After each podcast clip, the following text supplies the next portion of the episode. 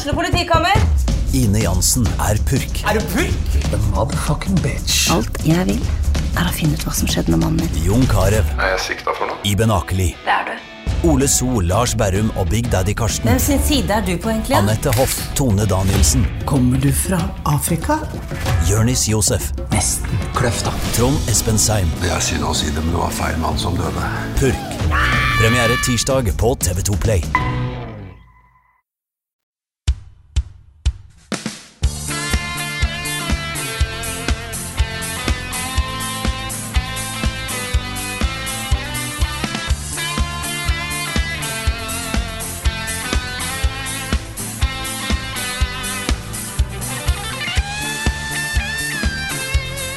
Sola har stått opp, og det fins en verden etter kontrollsett, Rune. Mm. Det gjør det. Det har, en, det har vært noen lange måneder. Vi har stått på, men vi er ferdig. Mm, det er veldig, veldig veldig deilig, Carl. Serien er ute i sin helhet, mm. og nå, nå er den komplett. Yes. Fy Føles fader. godt. Det gjør det. Mm, ja, Bra jobba, Carl. I like måte. Takk. Eh, kan jo da også nevne sånn mens vi er i gang. Mitt navn er Karl Martin Hoksnes. Med meg har jeg Rune Fjell Olsen. Mhm. Og, eh, og kanskje, Ja, kanskje ikke bare Rune Fjell Olsen. Nei, for Frida kunne ikke være med denne uka her, og vi trengte en vikar. Eh, Og så er det jo sånn med den Kontrollsett-serien, så er det jo en annen spillpodkast som er ganske tungt eh, featured i, eh, i den serien. Og det er jo selvfølgelig Nærlandslaget, hvor da Ida Horpestad dukker opp med jevne mellomrom og deler av sin rikholdige erfaring som både Nerdelandslaget-programleder og eh, konsulent i ungdom og fritid. Og hun kunne ikke komme, dessverre. Hun kunne ikke komme. Men vi har med fått med da Andreas Hedemann. Andreas Hedemann. Ah, det Fra Nerdelandslaget! Det var ro, det var ro. Hei! Velkommen. Hei, hei. Hei til dere, gutter. Går det bra? Det var veld, vi, vi, vi hadde jo veldig lyst til å ha med Ida, fordi hun eh, For det første så gjør hun utrolig godt inntrykk i serien. Ja. Altså, hun Ja, det er ganske Ganske markant uh, rolle hun får i denne serien. Uh, I tillegg så kommer jo også bl.a. en ti timer toxic streamer til nærlandslaget kommer veldig godt fram, og det arbeidet dere gjør for, uh, for å bekjempe toxic oppførsel i spill. Yes. Men Ida var bare så sjukt busy denne uka her. Ida har rett og slett et utrolig hektisk liv, som, mm. de, som de fleste om- programlederne i nærlandslaget. Men Ida kanskje mer akkurat nå, for hun har jo Det føles som hun har Hun har jo bandet sitt, og hun har fire jobber på likt, og det er spillekspo, og det er utstilling av noe greier og opplegg og kjør. Og på premierefesten deres, til og med, på Kontroll Z. Men jeg må bare Stemmer. stille meg bak det du sier, altså, Rune. Ida er helt eh, fantastisk i de klippene jeg har sett. Hun leverer så bra, og det kommer rett fra hjertet, rett fra magen. Um, og da blir det ofte litt sånn ikke sånn ihjelsnakka eh, ting også. Altså, jeg føler hun har ganske mye sånn unike perspektiver som er eh, Ja, det er veldig deilig å høre. Ja, Det er kjempebra. Vi skal snakke mer om kontrollsett. Dette har jo prega eh, redaksjonen vår ganske hardt gjennom hele høsten, og egentlig gjennom hele året. Eh, vi har fått masse spørsmål om det, det er folk som lurer på ting om serien osv. Og, så og vi har lyst til å snakke litt mer om eh, tematikken. Fordi dette er jo noe både vi i Level Up og dere i nederlandslaget er veldig opptatt av. I det daglige også, ikke bare når man lager dokumentarserier. Så vi, vi kommer tilbake til Kontroll Z-serien straks. Men, men vi har fått et spørsmål som jeg tenkte vi kunne svare på i starten her. Det er fra Alexander Ånvik eh, som spør skal dere på Spillekspo. og Vi har vært i sånn vi visste jo at premieren på den serien her var 13.11. Og vi visste da at det var jo bare noen få dager før Spillekspo, så vi har liksom ikke turt å planlegge noe for den helgen her. Eh, det er mulig at det kanskje blir noe et eller annet med den kontrollserien der oppe. I så fall så stikker jeg turen innom. Men vi har egentlig ikke planlagt noe konkret, altså. Det er kanskje dere, Andreas? Eller jeg vet ikke.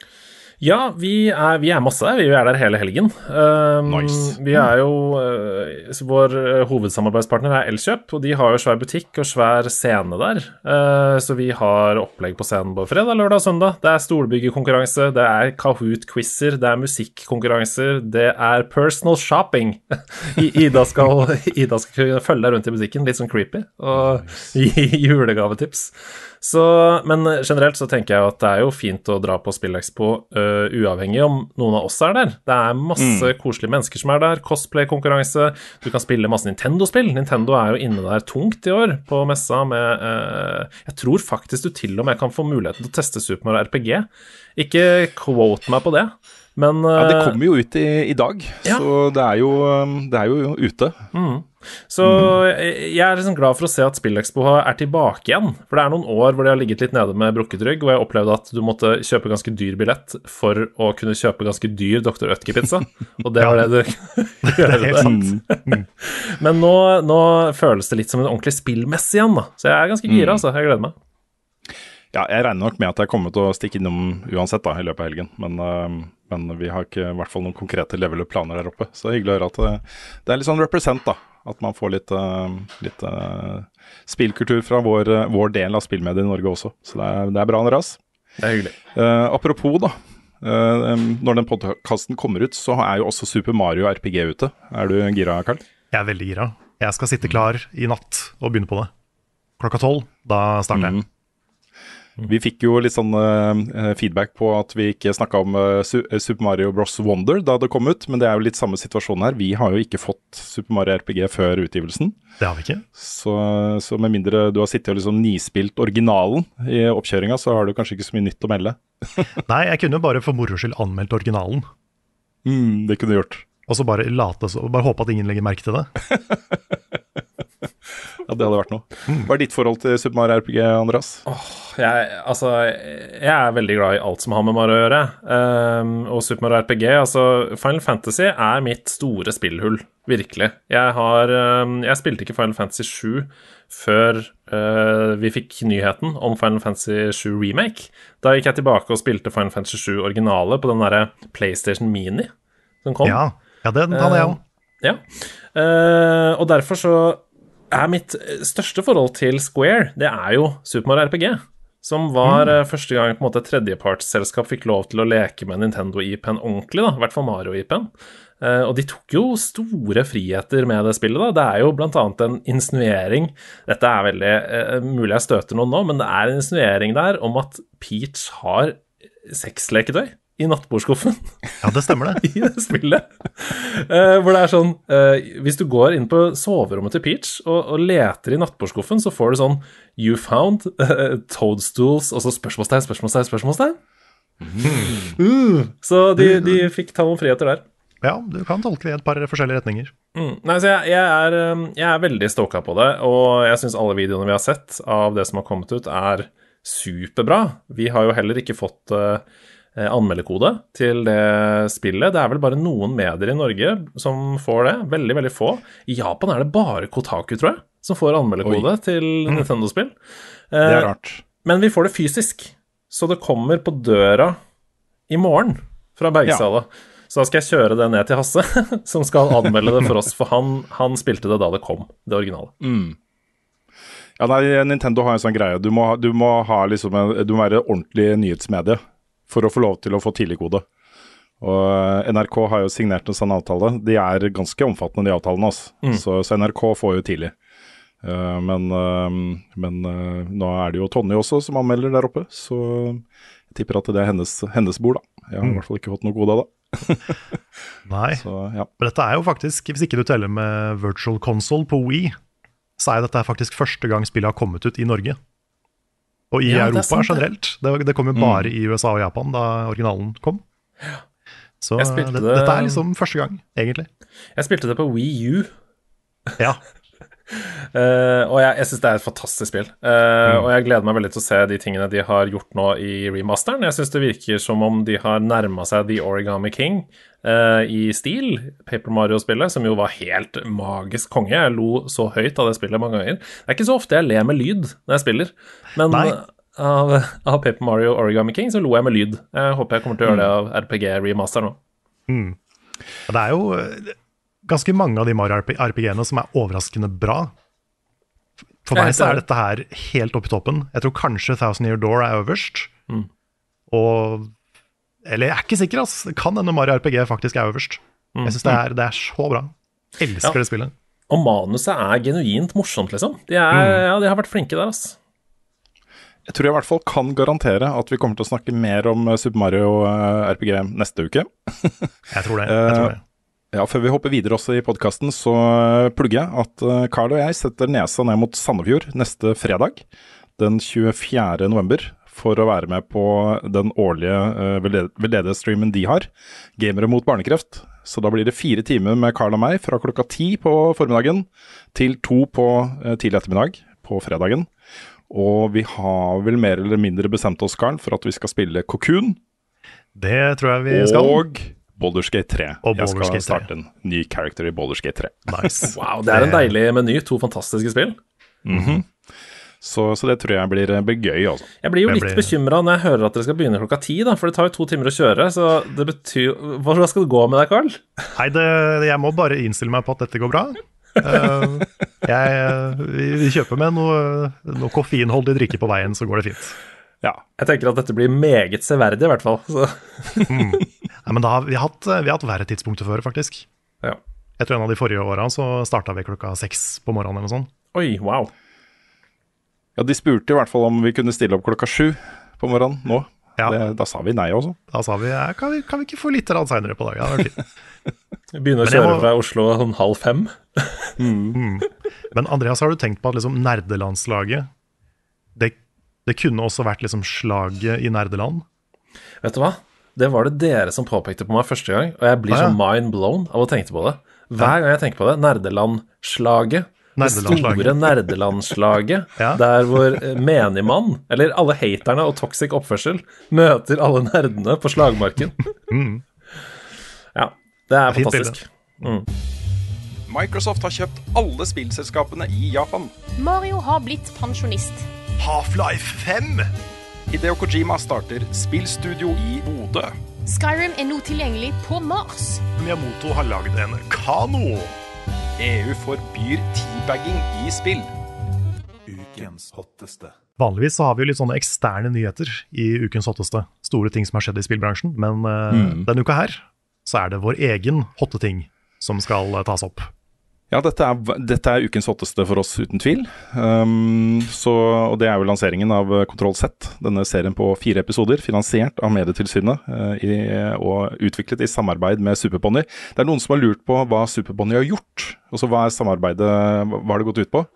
Uh, og uh, det er ikke bare grafikk. De har lagd, altså de har lagd den fantastisk flotte vignetten og logoen eh, som, som hører med til den. Um, de har lagd mye sånn tilleggsmateriale.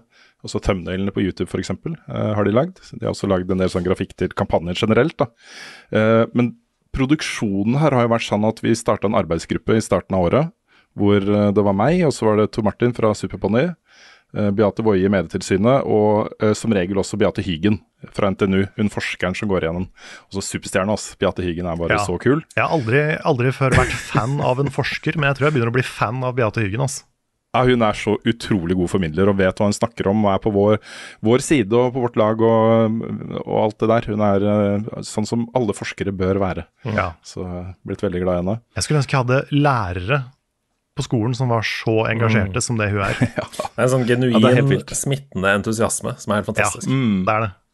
Ja, det er kjempebra. Nei, så I den arbeidsgruppa så, så snakket vi jo ikke om serien eh, konkret. Altså Vi snakka ikke om og så må dere gå og snakke med de, og så må vi gjøre sånn og sånn og sånn. Det var mer sånn hva er det vi egentlig forsøker å formidle her? Hvorfor er det viktig å snakke om disse tingene? Eh, vi hadde litt sånne eh, øvelser og workshops og litt sånne ting, som noen av dem var ganske tøft, altså. Eh, men det det handler om, er jo på en måte å komme i et sånn mindset hvor eh, jeg, da, som en gamer som kanskje ikke opplever så mye av de verste tingene, kommer litt inn under huden på problemstillingen, ikke sant. Eh, og der har Superpony vært kjempegode eh, og, og bidratt masse. Så, så jeg, jeg har blitt veldig glad i Superpony. Det har blitt en sånn eh, ny del av Level Up-familien som, uh, som eh, betyr en del for meg. Og det har vært en veldig fin sideting med det prosjektet her, altså. De der vennskapsbåndene og de båndene som var blitt knytta liksom, på kryss og tvers over hele Norge. Med folk som jobber i, og drar i samme retning, liksom. Det har vært veldig, veldig fint også. Men serien er jo um, Hvis du ser den, Og også før du ser den, så kan man kanskje få et lite sånn inntrykk av at nå skal vi ta spill med det, liksom. Nå skal vi uh, fortelle hvor jævlig det er, og ikke gå liksom uh, noe særlig utover det. Men vi tok jo tidlig et valg, da, om å ikke være, uh, være sånn. Vi ville gjerne eh, på en måte avveie det mot de fantastiske opplevelsene man har i spill. Og også selv mange av de som blir trakassert, har jo også fantastiske opplevelser i spill. Og de reagerer jo mye også fordi de ønsker ikke at dette skal være en del av spillmediet, ikke sant. Um, og det var utrolig viktig for oss å få fram det, og vi tok også et veldig bevisst valg om å ikke bruke mye piano og cello og uh, tårer, og, for det, det, kunne vi gjort. De historiene finnes og er kjempesterke, uh, men vi følte ikke det var riktig for denne serien. da. Uh, vi ville ta en litt mer sånn at argumentene i seg selv og, og, historien i seg selv skal være nok til at folk skjønner hvor, hvor ille dette er for folk. da. Du, ehm, jeg, jeg, må innrømme at på premierelanseringen, eh, Andreas mm. uh, Det er jo kjempeskummelt å sitte i en sal full av folk som skal se tingene vi har lagd, og det har aldri vært vist offentlig før. Vi har gjort det en gang før, vi gjorde det med, med XP on the Beach-serien, Karl. Stemmer. Mm. det var litt den samme greia nå. Man sitter jo litt sånn der med hjertet i halsen og hvordan kommer folk til å like det, liksom. Men den jeg var mest spent på, det var jo deg. For dette har du faktisk Dette har du jobbet med, Andreas. ja. ja. Nei, jeg, jeg, kan jo si Vi, vi um, lagde jo denne ti timer toxic-streamen, som jo er en del av egentlig den samme uh, produksjonen fra Medietilsynet og uh, med Superponni på laget. da. Superponni hjalp oss masse der også. Fantastisk grafikk. Uh, jobbet med Anne B. Ragde i Trondheim. Utrolig mye. De er veldig veldig flinke folk, så det må jeg også være med og berømme. Men én mm. ting som jeg har lyst til å si om serien deres, det er jo at for det første så kommer den jo fra en gjeng som er veldig, veldig glad i spill altså som eh, elsker spill og elsker spillmedie. Og det er derfor dere tar tak i det. Fordi dere vil ikke ha det sånn i miljøet dere elsker. Og det er jo kjempebra. Og det er jo måten å snakke om det på også, ikke sant. Hvis man bare hadde vendt det andre kinnet til, så hadde man jo ikke brydd seg om spillmedie. Fordi mm. dette er jo til syvende og sist, når vi ser at jenter slutter å spille, faller ut av spill med det, gutter også, så er det til syvende og sist en trussel mot det vi er så glad i. Og da må vi jo gjøre noe, ikke sant. Da må vi jobbe sammen for å forandre det. Så det mm. syns jeg skinner veldig godt gjennom. Men som jeg sa til dere på premierefesten også, denne serien her er så solid. Det er så utrolig gjennomarbeida. Det er så bra kilder. Det er så gode vitnesbyrd og unike problemstillinger og måter å tenke på som gjør at jeg håper virkelig at skole Eh, systemet ser hva de har her, da, og at man tar det inn i skolen som en slags undervisningsopplegg. Fordi serien deres har jo hjulpet oss i nerdelandslaget masse også. Vi får jo spørsmål om dette hele tiden. Hvordan, når skal jeg eh, la barna mine komme ut på internett? Hvordan skal jeg deale med det hvis de oppfatter sånne ting og sånne ting? Hvordan kan jeg snakke med sønnen min om at han ikke skal oppføre seg på denne måten? Og nå kan vi jo bare vise til denne serien. Jeg opplever mm. det som et slags oppslagsverk da, som er supersolid, og som bare Eh, ja, som ikke er et føleri, hvis du skjønner. Altså, det er eh, Her er problemet. Hvordan kan vi løse det? Eh, hvordan kan vi snakke om det? Og, og hvordan er veien videre, liksom? Og det Ja, jeg er veldig, veldig glad for at dere har gjort det, og at dere har blitt så bra som det har blitt. Ja, tusen takk, Andreas. Det er veldig hyggelig å høre, høre deg si det også. Uh, og det er jo litt sånn, Vi vil jo gjerne også fokusere en del på nærlandslaget i den serien. Fordi uh, en ting som vi vet er viktig, uh, av personlig erfaring, er jo at når man har et community og ansvaret for et community og tar en veldig tydelig holdning uh, til disse tingene her, og lager regler som sørger for at alle skal være inkluderte, så har det en effekt. Og det vet jeg jo dere også jeg tenker jo helt likt på akkurat det der. Mm. Og et kjempesvært og veldig veldig flott community på, på Discord hvor, uh, hvor um, Eh, det er, ikke, det er jo ikke, lov mm. å holde på sånn, ikke sant? Nei, ikke i det hele tatt, og vi slår veldig hardt ned på det. Og alle moderatorene våre, sånn som deres, er jo helt enig i det. At uh, man skal behandle hverandre Det er kardemommeloven, liksom. Uh, mm. og, og, det funker i praksis, og det handler jo også om at vi som er foran mikrofonen og foran kameraene, sånn som dere er, også uh, oppfører oss på samme måten. Vi er ikke toxic når vi er online, og uh, vi gjentagende snakker om det uh, om igjen og om igjen og om igjen og slår ned på det. Så, så da har man bare laget en slags kultur, da, både i Level Up Community og i nederlandslaget sitt community, der hvor det Hvis man oppfører seg toxic, så er kulturen at det er flaut. Altså, mm. alle andre som er der inne, arresterer deg når du oppfører deg dårlig. Uh, og det håper jeg er en vei ut av det online også. da, At hvis, hvis majoriteten i en gruppe kan si fra om at hei, hva, hva, er det du driver med? Det der er jo bare cringe, liksom. Måten du omtaler uh, den jenta på motstanderlaget. Um, eller en internt i laget. Så da tror jeg på en kulturendring, da, som til syvende og sist gjør at vi løser problemet. Det er morsomt du bruker ordet cringe, fordi det er jo på en måte På alle de videoene vi har lagt ut, så kommer det jo alltid en eller annen fyr da inn i kommentarfeltet og bare sier cringe. ikke sant? Eh, andre veien, da. Mm. Eh, og det blir så, det blir så synlig, syns jeg, da, at, uh, at uh, Det er derfor vi lager serien. Mm. Og så den derre eh, holdningen om at dette ikke er et problem. Mm. At du Mm. kan jo bare mute disse folka, du kan rapportere de, du kan bare gå videre med livet ditt og få litt tykkere hud, liksom, så har vi løst problemet. Mm. Det er på en måte det som er grunnen til at vi lager den. Det er den type holdninger da, som gjør at dette får lov til å fortsette. Eh, og det er jo sånn at det er jo bare å la være, da. Det er bare å la være, ikke sant, og ikke holde på sånn. Ja, det er noe med ra Rapportere kan du gjøre etter at det har skjedd, liksom. Mm. Men det, målet må jo være at ikke det skal skje. Dette er jo, I mange tilfeller så er det jo altså såpass drøye ting som sies at det er ulovlig. Og, og det er jo ikke Man skal jo ikke bare finne seg i det. Nei. Nei, og så er det noe med den derre um, som ikke er på en måte direkte ulovlig, kanskje. Mer sånn ubehagelig. Uh, det å bare logge seg på og være seg selv, og så liksom uh, det, var, det var noen som nevnte i serien, jeg husker ikke om det kom med, men uh, dette her med uh, kassadama på Kiwi, eller mannen på Kiwi.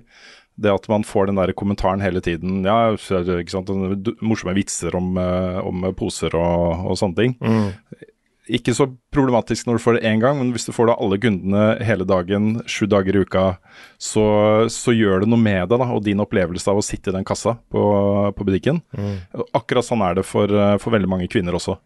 Uh, du, du må liksom bare akseptere, da.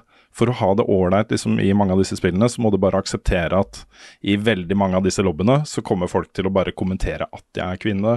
Eh, med sånne kommentarer som eh, sånn ha-ha, ta det bak på kjøk kjøkkenet, eller et eller annet sånn ment morsomt. da, Det er ikke ment vondt, liksom, men bare det kommer en sånn vegg av sånne kommentarer hele tiden, så blir man sliten av det. altså. Jeg har jobba to år på Kiwi selv, jeg. Sitter i kassa. Eh, så og, om jeg ikke kjenner til hvordan det er å bli behandla toxic online, for det, det gjør jeg faktisk ikke, i den skalaen og det omfanget som mange av kvinnene som er i denne dokumentaren, eh, snakker om, eh, så vet jeg i hvert fall jeg, er veldig enig i eksempelet ditt, det kan jeg, det kan jeg si. Eh, men jo, det du nevnte med cringe i kommentarfeltet jeg håper, jeg har veldig tro på den generasjonen som vokser opp nå. Jeg syns de er eh, skikkelig kule, hele gjengen. Eh, jeg oppfatter de som opptatt av rettferdighet eh, og balanse, og at de er snille mot hverandre. I hvert fall store deler av dem. Um, I mye større grad enn da vi var eh, barn. Var mye, jeg, jeg opplevde at det var mye hardere forhold i skolegården, f.eks., da jeg var eh, I hvert fall i noen miljøer. Så jeg har veldig tro på dem, og jeg tror jo på at det kommer til å snu, sånn at hvis noen skriver cringe i kommentarfeltet på YouTube, så kommer det ti andre som skriver cringe til den kommentaren. Under cringe, cringe, cringe, cringe, cringe, cringe, cringe til sånn svar på den cringe-kommentaren. Det håper jeg, da. For da er det sånn eh, Ja, det er bare Vi driver med på en måte sosial korreks av hverandre eh, hele tiden, og det er kjempeviktig for at man skal fungere som samfunn. Hvis noen har eh, noe på genseren, så sier du sånn Du, du har sennep på genseren. Og så hjelper vi hverandre med at det skal være hyggelig å være, liksom. Så hvis man bare lukker øynene for det, så blir det jo aldri noe bedre, da. Da går alle rundt med sennep på genseren, da, og hele tiden.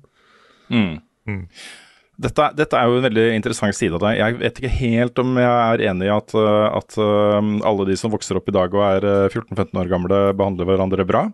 Jeg har, har hørt noen historier fra skolen Definitivt. som Ja, det var ikke meningen å si alle, det var ikke meningen å si alle, det mener jeg ikke. Men jeg, jeg, bare sånn, som generasjon så oppfatter jeg den generasjonen som ja, i hvert fall mer opptatt av at det skal være rettferdig, da. Jeg vet ikke. Mm. Mm. Det Nei, men, snakkes mye mer om disse tingene i skolen nå enn det gjorde, uh, ble gjort før. Eh, og det jeg kan si er at det blir jo et undervisningsopplegg av dette. Det er et, uh, to brødre som heter eh, Christian og Louis, som jobber i et, et byrå som heter Jung. De skal nå lage et undervisningsopplegg delvis basert på denne serien. Det blir ikke bare basert på denne serien, det skal også lage sånne ukelange opplegg for skoleverket hvor trakassering i, i spill er på en måte et av hovedtemaene. og det er jo en, en veldig fin mulighet, tenker jeg nå, til å bare snakke om dette på en ordentlig måte for den målgruppa. Fordi det gjør ingen, ikke sant. Veldig mange barn bare slippes løs på nett, barn og ungdom. da. Uh, og, og hvis ikke de klarer å opprettholde en viss form for selvjustis på det, og havner i lobbyer med toxic folk og, og får liksom inntrykk av at det er sånn ting skal være, så, så kommer jo dette problemet bare til å fortsette. Så man ikke altså, Man må i hvert fall fortelle dem hvordan det oppleves ikke sant, for andre å bli behandla på den måten. Uh, og prøve å uh, spoon-feede dem litt empati uh, på det. Mm. minimum. Det er det minste man bør gjøre. Ja, Men jeg, jeg er helt enig i det at jeg oppfatter yngre generasjoner enn min som mye mer bevisst, mye mer politisk engasjert generelt, egentlig, enn det min generasjon Mm. var. da. Så jeg er, jeg er helt med på det. Jeg har, jeg har troa på fremtidige generasjoner, på en Mm. måte som jeg liksom Jeg føler de De vet litt, mer- litt mer hva de driver med enn det min generasjon gjorde da vi var på videregående ungdomsskolen og, og, og sånn. Mm. Og så Jeg, uh, jeg må bare si også at litt sånn apropos community og, og cringe og, og sånne ting, at jeg var ganske nervøs for å legge ut den serien her på YouTube og se hva slags respons vi kom til å få. Fordi uh, for ti år siden så var det folk som prøvde å ta opp disse tinga, og da leda det jo til en kjempestygg kulturkrig som varte kjempelenge. Og det var en deprimerende tid å være glad i spill. mm. Men jeg er superletta og kjempetakknemlig for at communityet vårt har tatt dette her såpass bra som de har gjort. Det har kommet masse gode kommentarer. Det har kommet uh, mye forståelse for at vi tar opp det her. Mye eh, full forståelse for hvorfor vi tar det opp, hvorfor det er viktig for oss. Og det som jeg føler at dette her liksom allerede har begynt å lede til gode samtaler. Mm. Og det er veldig, veldig bra. Så jeg er kjempeletta og veldig takknemlig for den C-basen vi har. Jeg deler den og starter med spørsmålene. Det er ikke egentlig et spørsmål, men mer en sånn tilbakemelding som jeg syns er bra å starte med. Det er fra Kristoffer Gettoboys Hansen, uh, som sier at episode 1-3 av Kontroll Z allerede er på neste ukes ukeplan. Jeg gleder meg til å diskutere dette med elevene mine neste uke. Hey. Det, vi har fått en del sanne kommentarer fra lærere. De spør er det, er det, går det an å vise dette til en, eh, en sjette klasse, liksom. Eh, Er det, er det noe for skolen? Og det mener jeg det absolutt er, da, hvis du har en engasjert lærer som kan litt om spill fra før og sånne ting. Det å bare sette seg ned og, og gå gjennom disse episodene og bruke det som et utgangspunkt for samtaler i klasserommet, kan man allerede, allerede gjøre nå, da. Det mener jeg helt, eh, helt seriøst. Jeg er helt enig. Jeg må beskytte inn også at vi har jo sommerskole på House of Nerds for uh, barn i Oslo. Uh, barn og unge. Og det er et kurs som heter Spill deg smart, som vi har utvikla. der vi nå har hatt over 600 barn innom. Eh, og det gjør det samme. altså Det bruker uh, spill for å nå mål i læreplanen. Enten det er geografi, eller det er uh, livsmestring, eller demokrati og medborgerskap osv. Og, så og i den siste bolken der, demokrati og medborgerskap og livsmestring, så er jo dette spot on. Så jeg mener jo at man kommer til å nå spesifikke mål i læreplanen som man ikke klarer å nå på andre måter hvis man bruker dette opplegget. da. Spennende. Kanskje jeg skal sende kidsa mine dit, eh, Andreas. Det var helt overfylt i fjor, det var så mange som søkte på det. Og det er jo ikke så, ah, så rart, da. Når det er sånn eh, Vil du gå på sommerskole? Du kan game en hel uke. Ja, nei, jeg, jeg klarer ikke å få mine barn på sommerskole lenger. Nei. Det, er, eh, for, det syns jeg er for kjedelig. Nei, men det funka bra, altså. Vi hadde GeoGuessr, vi hadde Assassin's Creed, Discovery Tour, masse gøy. Så ja. Kult, kult. Eh, jeg tror det er noen av de spørsmålene jeg har fått inn som eh, er veldig relevant for deg å snakke om også, Andreas. Uh, blant annet dette fra El Fuego, som eh, skriver da i innspurten av Kontroll Z-prosjektet har det vært ganske tydelig at arbeidsmengden har vært voldsom for flere av dere. Hvilke tanker gjør dere, dere om crunch-kultur og prosjektstyring med dette friskt i minne? Eh, hvorfor oppstår det, og hvordan kan man unngå det? Og Jeg må bare nevne først da at eh, jeg angrer litt på at jeg har, eh, har vært så ærlig på hvor mye jobb det har vært for oss, og hvor slitne vi har vært de siste ukene. Det har vært det nesten sånn at folk syns litt synd på oss. Og ja, det har vært tøft, liksom, men først og fremst har jo dette vært en utrolig positiv opplevelse for oss, da. Det, jeg håper folk skjønner det. så selv om det var mye på slutten der. Så, så var jeg også på et um, et foredrag som hun som var prosjektleder for uh, Return to Monkey Island. Uh, det var på Filmens hus uh, i, i går. Eh, og hun gikk veldig nøye gjennom eh, akkurat dette her, da, prosjektstyring. ikke sant? Med verktøy man bruker for å sørge for at folk ikke blir overarbe- overarbeida, sørge for at eh, flyten går og at man når målene sine uten at ikke sant? Da var jeg, Vi må gjøre litt mer research på sånne ting, Carl. Vi må planlegge litt bedre. Vi må det. Vi må det. Det er jo, vi har jo snakka litt allerede om uh, hvordan vi kan gjøre det her hvis vi får en lignende, uh, et lignende prosjekt en annen gang. da. mm. Hvordan vi kan gjøre det for at ikke det skal gå så mye utover oss, uh, holdt på å si, og jobbmessig og mentalt og sånn. Men også um, at ikke det går så hardt utover det vanlige vi lager. Mm. At ikke det skal liksom føre til at andre produksjoner må stoppe eller ta pause. For det, det også er jo synd, da, når det skjer. Ja. Ja, som produsent så er jo bare Dere er jo Dere har jo vært helt åpne på at dette er den største produksjonen dere har gjort noen gang. Uh, og når man ikke har gjort så store produksjoner før, så må man jo begynne et sted, liksom. Det blir jo bare erfaringsbasert. Uh, nå har dere lært masse av dette, og jeg tenker at uh, for å svare på det crunch culture-spørsmålet, så er jo første måte å på en måte unngå at man kommer i en sånn situasjon, det er jo å evaluere, sant. Og det er dere jo i gang med nå. Var det, hvor var det vi så at vi hadde feilberegna tidsbruk osv.? Og, så og eh, kunne vi gjort noe i budsjettet for å få inn flere frilansere? Altså sånne ting, da. Så det er bare å ha en eh, ordentlig evaluering hvor man faktisk skriver ned, sånn at neste gang man skal starte på en produksjon, så tar man opp den evalueringen og ser sånn Hva var det eh, vi gjorde forrige gang? Det, det er nok en god idé. Men uh, det er folk som har jobba i, i produksjonsbransjen i 20 år, og som fortsatt uh, natt, til, natt til premiere uh, sitter klokka halv seks og, og klipper lydeffekter, så ja, det, Ja, det, det, er vanskelig. si at, Det er vanskelig. Ja, men det, må jeg i hvert fall si at vi, vi hadde jo tid til overs før dette skulle vises da på mandag klokka fem. Så, så episodene var jo klare. Den siste var klare på søndagen. Men da var det liksom bare med de aller siste finpusstingene. Så, så sånn sett så eh, kunne det vært verre. Kanskje. Men det var jo samtidig en søndag der vi satt og jobba mange timer for å, bli, for å få det ferdig til mandag, så det var ikke mye tid vi hadde til overs. Skal jeg si deg hva vi brukte tid på i helgen, Andreas? Jeg gleder meg. Ja, fordi vi fant jo ut Vi har brukt en, hun Julie, som er med i serien, sendte oss øh, klipp. Hun, det var jo så utrolig kult, for hun satt og snakket om opplevelser hun hadde hatt i spill. Og så spurte jeg øh, litt til sånn bisetning på slutten Har du noen video av som vi kunne brukt da, øh, med den type erfaringer. Så hadde hun video av de tingene hun hadde snakket om. Det ble jeg så imponert av på, på visningen. Jeg var sånn Hæ, er dette staged? Eller hva er det som skjer nå? Har, har man liksom spilt inn med skuespillere i ettertid? Fordi det var jo spot on akkurat de situasjonene hun snakka om, og da ble jeg sånn Ja, det sjokkerte meg også. Det er Det helt dritkult. Ja. Men har du tenkt på det, Andreas, at hvis man skal vise de klippene, så er det noe som heter Witch Hunt. Eh, og jeg fant jo ut litt for sent da, at de nikkene til de folka som driver og hetser henne, de var litt, litt sånn overalt på skjermen. Ja, Ikke bare statisk. Nei, fordi først Vi begynte jo med å bare blurre der hvor, eh, der hvor helsebarn står, liksom. For der er de statiske. Men så kommenterte Nick sånn tre måneder ut i klippen at vent da, de navnene dukker jo opp to andre steder òg. Så de er jo først på, nede i venstre hjørne, så på sida på høyre hjørne. Og i tillegg, fant vi ut, så er det jo et sted på skjermen hvor de hopper og spretter rundt. Hele, hele tida! Dette her I 50 bilder i sekundet, Andreas. i, I 60 bilder i sekundet, faktisk. Det er så mange frames å tracke, det. Nei, men Det er så, eh, så, og vi måtte gå frame by frame Ja. og blurre hvert ene. Det var, det var da var vi ferdige, ass. Jeg vet jo at både dere og vi har vært uh, kritiske, om ikke uh, negative, så i hvert fall at man skal være litt på vakt for AI-utviklingen. Um, og, og passe litt på hvor, og at det ikke går helt over stokk og stein. Men akkurat i sånne tilfeller så ønsker jeg alle verktøy velkommen med åpne armer, som kan analysere noe tekst på skjermen og bare bløre det automatisk i hele klippen, for f.eks. Gi det til meg, helst i går.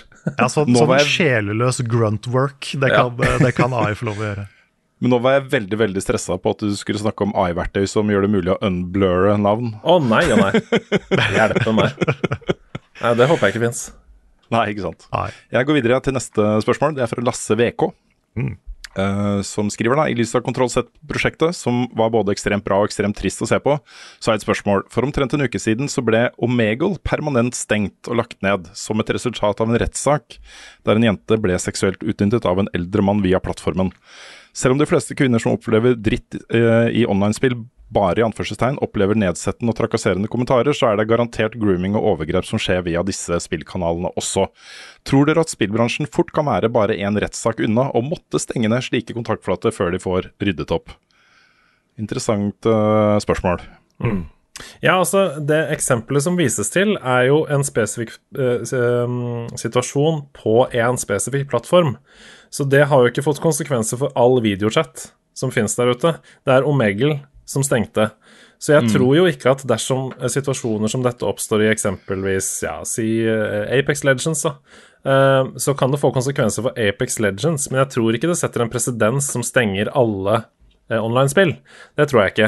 Når det er sagt, så håper jeg jo at dersom sånne situasjoner oppstår, så blir det tatt like alvorlig som det skjedde i Omegel-saken. Um, for det er jo et grusomt, grusomt overtramp som skader uh, mennesker for livet. Så ja.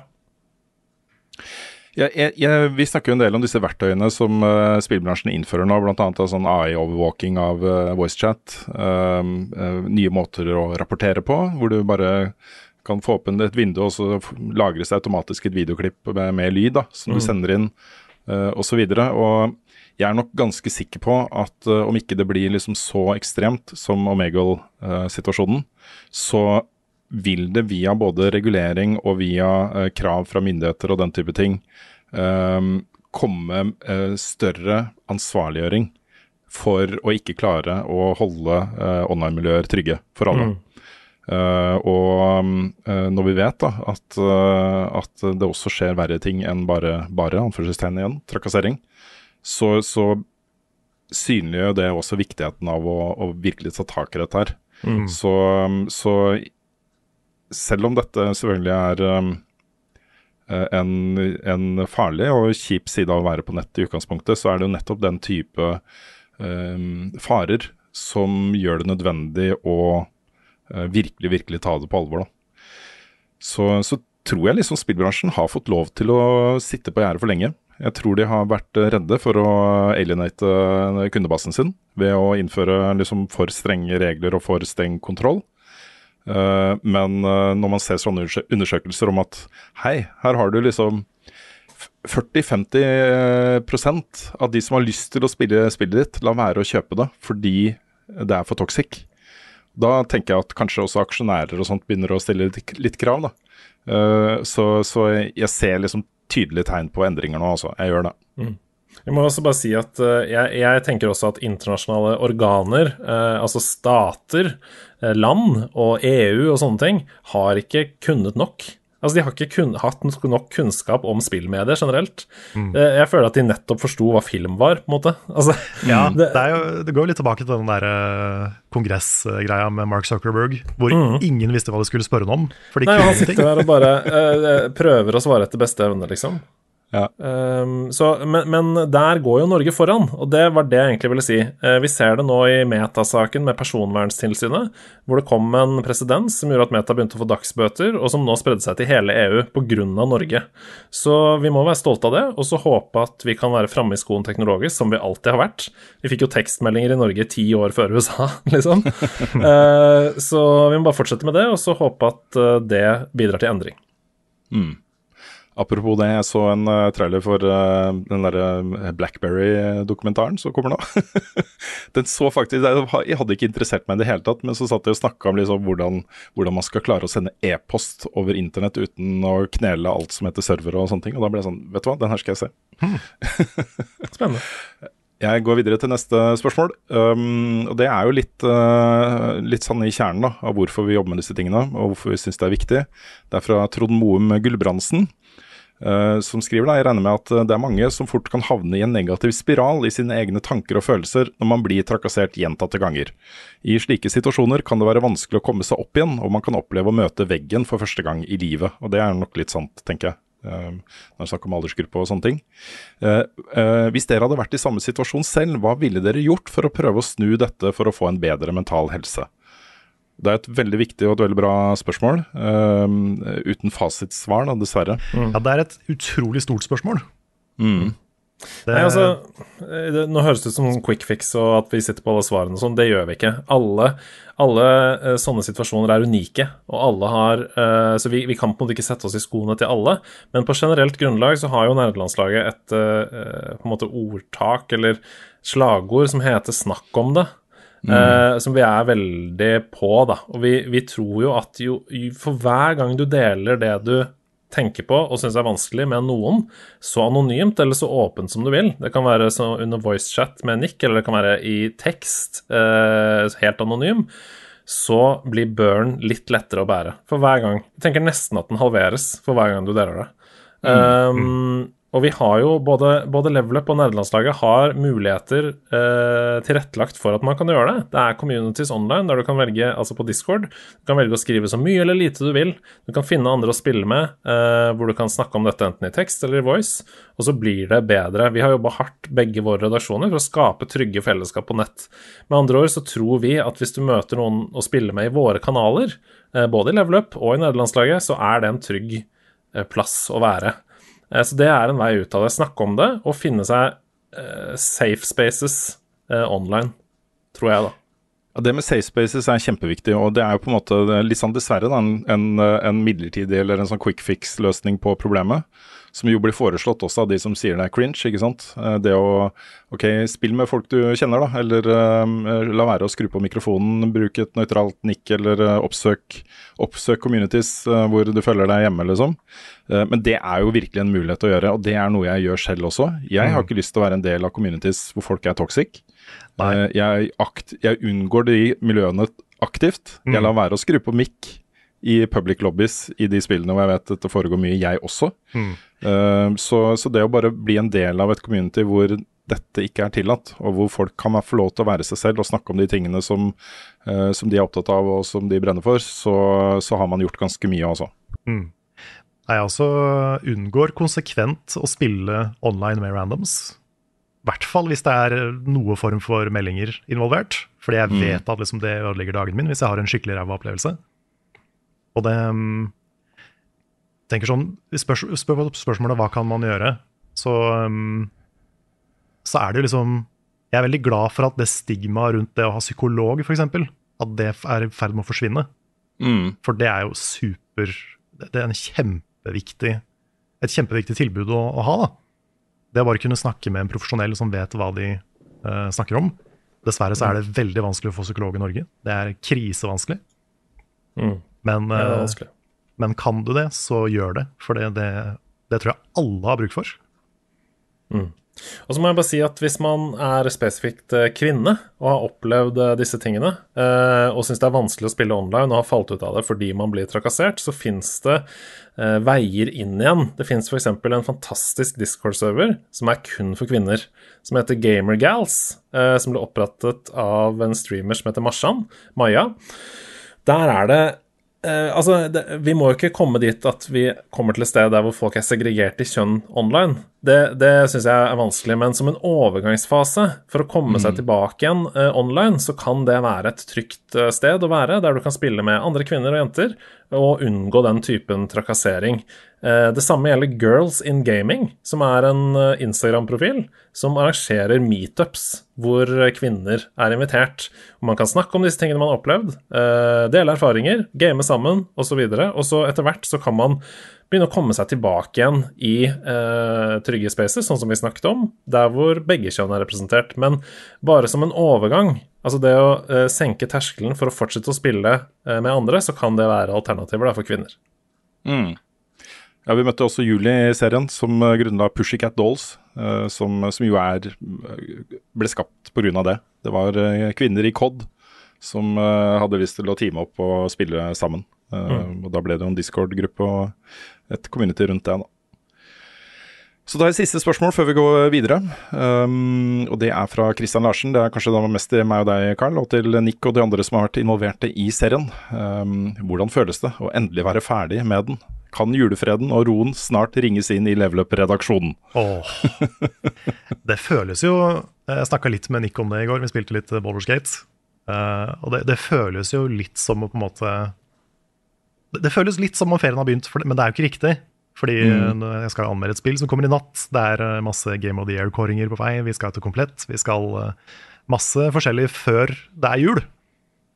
Men det å liksom gå fra den massive jobben vi hadde, til, til å ha litt mindre press, det kjenner jeg nå. Det er deilig. Og det, det tar nok noen uker å liksom lande helt, men, men det, det, er veldig, det er veldig deilig å vite at det er ferdig.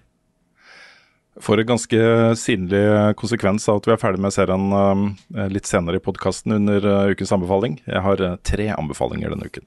Oh shit. Tetris, Skyrim. Destiny 2. The Sims, Edderkoppkabal, Destiny 2, Animal Crossing. Pokémon Cola eller Pokémon Pepsi, Destiny 2, Guitar Hero. Kingdom Hearts Bohemian Boogaloo. Destiny 2. Level Ups spilleliste. Det er tid for å snakke om hva vi har spilt i det siste, og vi lar vår kjære gjest Andreas få lov å begynne. Å, så snilt, da. Det var trivelig. Åh, for et spillår. For et spillår! Det er så mye bra. Herregud, for et spillår. Jeg kan ikke skjønne det. Altså, jeg, jeg visste jo at det kom til å bli helt sykt, men det har blitt enda sykere enn jeg trodde, og sykere skal det bli. Um, jeg har jo vært i Super Mario Wonderland i det siste. Uh. Andreas in Wonderland. Um, jeg har 100% av Super Mario Wonder. Nice. Det gjør jeg veldig sjelden, men det er altså et helt fantastisk spill. Det er eh, jeg, jeg sier det i anmeldelsen min, og jeg sier det om igjen. Det er mitt favoritt 2D-Mario gjennom tidene. Jeg syns det er Mm. Ja, det- bedre enn Super Mario 3. Jeg syns det er bedre enn Super Mario World. Ja, det, skjønner, det skjønner jeg. Jeg er fortsatt ikke helt sikker på hvor, på hvor jeg setter World i forhold til det her, Nei. men det er helt oppi der, altså. Det er bare da liksom Nå er jo dette kanskje potensielt en liten spoiler-alert, da, så hvis man ikke vil vite noe om dette spillet, så hopp 30 sekunder fram i tid nå. Da det ble skikkelig vanskelig mot slutten også, så ble jeg sånn Yes, det er Special Worlds her, det er mer, og ja, ja. ja. Men jeg må, jeg må spørre deg om noe om det. For du, du har unlocka Final Final. Ja, ja. Hvor lang tid brukte du på den? Jeg så, jeg vet hva, jeg leste faktisk inne på discorden deres at du brukte to timer og 40 liv eller noe sånt. Jeg brukte, jeg sjekka det, for jeg tok opp opptak av det. Ja. Og det var ikke fullt så ille, men jeg brukte én time og et kvarter, og i Ja. hvert fall 40-50 liv, ja. Ja, det var noe sånt på meg også, altså. Um, det var noe sånt på meg også. Men um, det, det digger jeg, da. Jeg elsker den grinden der, jeg. Jeg elsker at man dør og begynner om, prøver om igjen, og eh, at man spåner kjapt på og sånn. Det er bare den der tålmodighetsgreia der, den Jeg tror vi som har vokst opp med, med Rayman 1 på PlayStation, vi har, vi har fått det inn under huden. Det er noe med det, altså. Men det var egentlig ikke Wonder jeg skulle snakke om. Fordi jeg har av Super Mario Wonder kjent dette 2D-plattformsuget igjen. Uh, og derfor så satt jeg på PC-en i går, og så kom jeg på Jaggu, i Steam-biblioteket mitt, der ligger Ducktales remastered. Å ja. Ja. Og det har jeg ikke spilt ferdig, så jeg spilte det i går. Og jeg vil snakke om to ting med dere om det. For det første, for et utrolig bra spill. For et vanskelig spill. Det er kjempevanskelig og bra å tro til originalen. Har du spilt det, Carl? Jeg har spilt det. Det er mange år siden. Men mm -hmm. det er, har ikke det blitt de-lista òg nå? For det er det andre jeg vil snakke med dere om. Ja. Det er jo nå fjerna, akkurat sånn som uh, denne uh, Super Mario-packen som kom med mm, eh, Galaxy og, og 64 og, og Sunshine. Så går det jo ikke an å få tak i Ducktales Remaster. Det er fjerna fra Steam-butikken, så hvis du ikke var der da det kom, så kan man aldri spille det igjen. Er ikke det helt uh, For en uting! Det er kjemperart. Ja, det er altså, er krise. veldig, veldig, veldig rart, altså. Utrolig synd for spillkonservering. Det er helt mm. krise. Altså, jeg vet jo at det handler om rettigheter og musikkrettigheter, og at man betaler uh, for uh, lisenser som varer så og så lenge og sånn. Men jeg kan ikke de- DuckTales Remaster, det lå ikke lenge på Steam. Kanskje et, et år, eller noe sånt? Ja, jeg vet ikke. Men det er jo eh, var ikke, Scott Pilgrim var vel et av de første spillene som det her skjedde med. Mm. Men det kom jo tilbake etter hvert, mener jeg å huske. Så Ja. jeg lov å håpe at de løser det med det her òg. For det, er, det kan, ikke, kan ikke holde på sånn. Nei, jeg syns det er så krise, fordi jeg syns det er en fantastisk spillopplevelse. Jeg mener det er den beste måten å spille det Ducktail-spillet på. Um, og at eh, folk som vokser opp nå, ikke skal få lov til å få det, liksom. Tenk på, Jeg, jeg husker da du fortalte, Rune, hvordan du introduserte barna dine for gaming med å spille de første Mario-spillene på Nes og sånn om igjen. Tenk om de ikke skulle fått muligheten til det, fordi det bare var D-lista og fjerna. Ja. Ja. Ja, det er, det er trist. Og det er, jo, det er en kjempeutfordring for hele alle vi som holder på med, med spill som, eh, som yrke og fag, liksom. Mm. Eh, Det å på en måte se for seg en framtid hvor, eh, hvor man plutselig ikke får tak i disse spillene lenger. Nå er det jo en eh, Jeg har jo blitt veldig glad i Analog og måten de gjør det på. Hvor eh, man da faktisk får kjøpt helt nye konsoller for moderne TV-er eh, som kan spille originalkopier av spill. Eh, akkurat det markedet tror jeg kommer til å ta samme retning som, uh, som LP har gjort for musikk. Jeg tror uh, retromarkedet for spill bare er i startgropen av hvor stort og omfattende det kommer til å bli. Jeg tror um, vi, vi har en hel generasjon nå med sånne som, eh, som oss, da, som har vokst opp med spill og eh, hadde disse gamle kassettbaserte eh, eh, konsollene og sånne ting, liksom. Mm. Som jo varer evig, liksom. Mm. du kan gå i en, eh, en eh, boks på Super Potato i Tokyo og bare grave deg gjennom og finne et spill også, som kom ut da på 90-tallet ikke sant, eller 80-tallet. Og så kan du putte det inn i en analog-maskin, og så funker det. Det er um, Ja. Så, så det er jo på en måte en retning det kommer til å ta. da. Det man ser nå da, ikke sant, er at hvis du har HDMI ut, og sånt, så vil jo folk sette seg ned og i hvert fall gjøre opptak av det. da, ikke sant? At Mm. det fins footage uh, fra liksom historien uh, hele veien tilbake. Ja. Um, men um, Nei, Jeg bare synes det er så rart også, fordi det er jo ikke det originale spillet. Det er jo en remaster som ble lagd for at man skulle oppleve det på nytt igjen, og så ble det fjerna med en gang. Det er veldig rart. det er kjemperart. Helt Det er veldig, veldig rart. Helt utrolig rart. Ok, Sånn skal det ikke være. nei. Jeg har også spilt et spill som heter Backpack Battles. Mm. Ja. Det er ute i um, gratisversjon, altså i åpen beta om du vil, da, på Steam nå. Så alle som hører på dette, kan gå og laste ned hvis de vil, og det syns jeg dere skal. I hvert fall hvis man liker spill som Slay the Spire eller uh, Heartstone, for eksempel. Det er en autobattler hvor du er eh, Hittil er det bare to klasser i spillet, men eh, som de skriver inne på menyen Please wishlist dette spillet, sånn at vi kan lage det til en full utgave. Um, du spiller en person som går inn i en butikk, og så har du med deg en ryggsekk.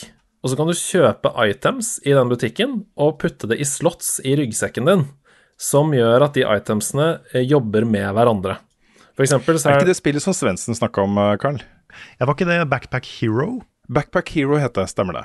Ja, kanskje det er Kanskje det er et søksmål incoming. Ja, kanskje, du, kanskje du har spilt en, eh, en shady copy? Ja, ja, sånn Made in China. I så fall er det en meget bra Made in China-copy. Um, Ja, ja.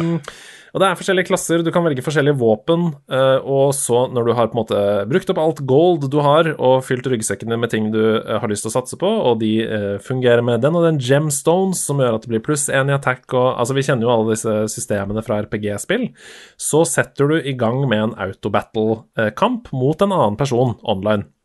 Alltid, imot, mot, eh, alltid mot reelle andre personer som blir satt opp med. Okay. Så spiller den kampen seg ut, og så ser du sånn Å ja, shit, jeg har litt lite stamina. Den øksa mi den angriper bare halvparten av gangene fordi jeg har for lite stamina. Da må jeg fokusere på det når jeg kommer tilbake i butikken igjen. Hvilke items er det her som jeg kan bruke på å eh, gi meg mer stamina til neste runde, f.eks. Og så er det om å gjøre å vinne ti kamper, og da har du på en måte runda det med den klassen. Eh, litt som i Slay the Spire. Altså, du fortsetter oppover mappet, ikke sant. Når du har kommet eh, til The Spire og, og klart det, da har du på en måte klart den klassen. Um, og så er det et sånt competitive ranking-system online som gjør at man kan hevde seg på lister, og det er mange forskjellige builds, om du ønsker å gå for en vampyr-build eller en eh, ja, mer sånn uh, melee-build eh, med sånn spikes på skjoldet, eh, som gjør at eh, du er en badass i nærkamp. Det er veldig gøy, altså. Man, det er sånn spill som du glemmer tiden-faktoren er enormt høy, da. Du setter deg ned, og så plutselig så innser du sånn Oi, shit, nå har jeg holdt på å eh, reorganisere items i ryggsekken min i 40 minutter. For alle liksom Alt må stå på riktig plass for at det skal fungere optimalt med hverandre og sånn. Nei, det, det er kjempegøy, ass. Jeg elsker det. Uh, og det er jo gratis, så det er jo ingenting annet enn harddiskplass du risikerer ved å laste ned. Ha. Jeg lurer på backpack er en egen sjanger ennå, da. Fordi det er på en måte den, det elementet av det. Eh, Det spillet som Svendsen snakka om, Backpack Hero, det var jo mye det, da. Det var, det var veldig fokusert rundt bare det å organisere sekken din, og at eh, Ja. du må hvor du plasserer det i sekken og retningen det står i og sånt. Ja, Dredge, Dredge også handler jo litt om det. Mm, Nei, det, det er de, sant, da. de har rett tatt kofferten fra Resident Evil og gjort det til en sjanger. Mm. Og så er det jo som i alle sånne spill, det vet jo alle vi som har spilt mange spill opp igjennom, jo tidligere du greier å skape deg selv en passiv effekt som gjør at du får mer penger hver runde, for eksempel, jo bedre er det. Ja.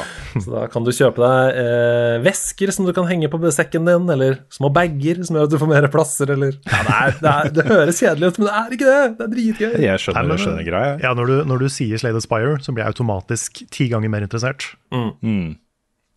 Nei, det er absolutt De har latt seg inspirere av en del ting i Slade Spire, f.eks. dette klassesystemet med eh, om det er en ranger som gjør sånne typer, eller om det er en annen type eh, klasse som har andre typer angripere. Da. Så ja. Men eh, Backpack Battles, sjekk det ut. Kult. Til slutt så vil jeg snakke litt om Lake. Um, jeg veit ikke hva det er med Lake. Jeg, jeg elsker det spillet, og jeg, jeg burde ikke elske det, for det er ikke så bra. Men Nei, Ja. jeg snakka om det da, det da det kom ut på eh, sånn eh, Steam uh, førslippfestival tidligere år. ja. Så spilte jeg den demoen som kom ut, og syntes det var bare gørrkjedelig. Ja. Det ga meg ingenting. Nei, for det kom på GamePass for uh, en stund siden. Jeg anmeldte det for nederlandslaget i 2022, eh, og jeg spilte det igjen i går. Lake det er basically et spill som handler om å levere post. Og du leverer post i en tidskapsel som er 1986. Eh, og det er ikke så mye mer enn det. Du, du spiller som en dame som heter Meredith Wise. Hun er datter av en postmann. Hun må reise hjem for å hjelpe faren sin med å levere post når han og moren for en gangs skyld reiser på ferie. De drar aldri på ferie, vet du, men nå har de vunnet et lotteri for å få ferie i Miami, så da må dattera ta over posten.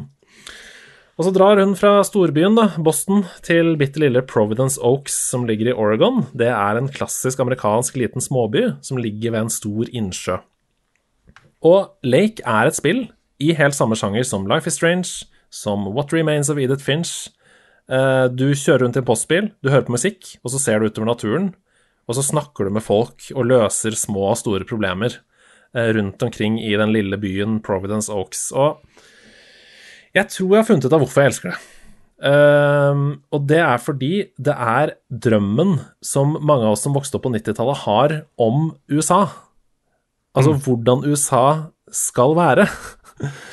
Det er liksom small town American life, hvor alle kjenner alle, og det er en howdy, hyggelig dame som jobber på dineren, og der spiser man hver lørdag. Eh, Jeg blir bare så, jeg blir så rolig av å spille det. Det er liksom 100% mitt safe space. Eh, Jeg vil gå så langt, jeg har skrevet i notatene mine at Lake er et spill med sjel. Og det er liksom ikke så mange spill med sjel. Så Grunnen til at jeg tar det opp nå, det er fordi det kom en ny delelse i går. Den heter Seasons Greetings, og den er satt til jula før hovedspillet. Og den fikk meg altså så i julestemning at jeg holder på å bake lussekatter nede i første etasje nå. Uh, den er ikke like bra som hovedspillet, syns jeg, men hvis du likte Lake, altså hovedspillet, og du vil ha mer, så blir du ikke skuffa av den. Hvis du trenger julestemning, vent, vent til liksom desember, f.eks. Hvis du sliter litt, så kan du, så kan du ta det opp. Men jeg syns det er vanskelig å anbefale det, for det er jo ikke et spill for alle. Det er et spill for de som liker sakte opplevelser, sånn som eh, Ja, som jeg nevnte med What Remains of Edith Finch. Um, Der på en måte hele poenget er å prøve å bare bli kjent med menneskene som bor i den lille byen. Det som er fellesnevna for den type spill, uh, er jo at det, det, det krever at det får en connection, altså en forbindelse til spilleren. Og den er veldig individuell. da. Den er ikke, Det er ikke noe universal, det finnes ikke noe formel for å lage den forbindelsen. Den eh, føles og oppleves forskjellig fra person til person. Men det, Så, så jeg har full forståelse for at, uh, at du får den type opplevelse med det spillet. altså. det høres litt ut som en sånn anti-Alan Wake. At det er sånn Det, er- det er alle de koselige det, er- det er Alan Wake hvis alt var koselig. Helt Ja. riktig. Ja, ja, Det er helt riktig. Og det er bare eh, Jeg sovna i går da jeg spilte det, og det er et superkompliment til spillet. For det er Da bare har vi en fin, eh, fin overgang her, da, hvis vi vil. Hvis vi vil. ja. Bare til Alan Wake, hvis, Ja. ikke, hvis du er ferdig å Ja, snakke ja, om. Lake. Vi, vi, vi skal begynne å snakke om Alan Wake. Jeg må bare si kjapt at um, det er en tid i Lake hvor ingen har mobil. Man må kjøre til folk for å snakke med dem. Uh, det, er en, det er en glemt tid. Og, uh, ja, det er et skrekkspill. uh, og det, er bare, det er bare en tidsalder som jeg savner litt innimellom. Jeg føler at verden går litt for fort, og eh, jeg doomscroller litt for mye på TikTok. Så, um, så det å sovne foran TV-en mens jeg hører på noe rolig americana på, på anlegget i postbilen min, det, det setter jeg veldig pris på. ja. Vi, er, vi er for connecta i 2023, helt klart. Altfor connecta.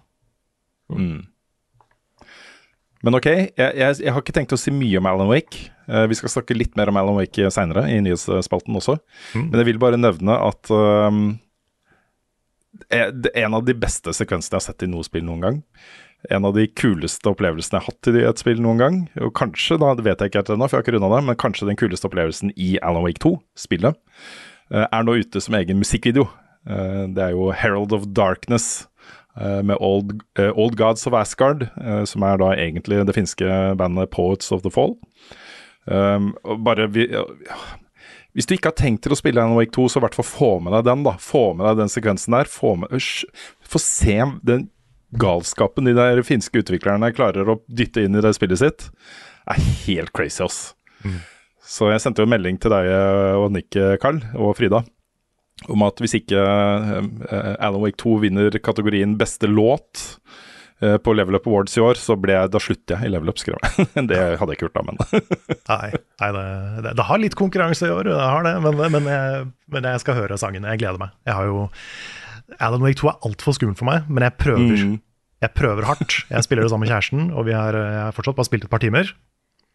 Men vi skal fortsette på det i kveld. Og jeg, er, jeg gleder meg til å fortsette, for jeg er så, jeg er så nysgjerrig på det. mm.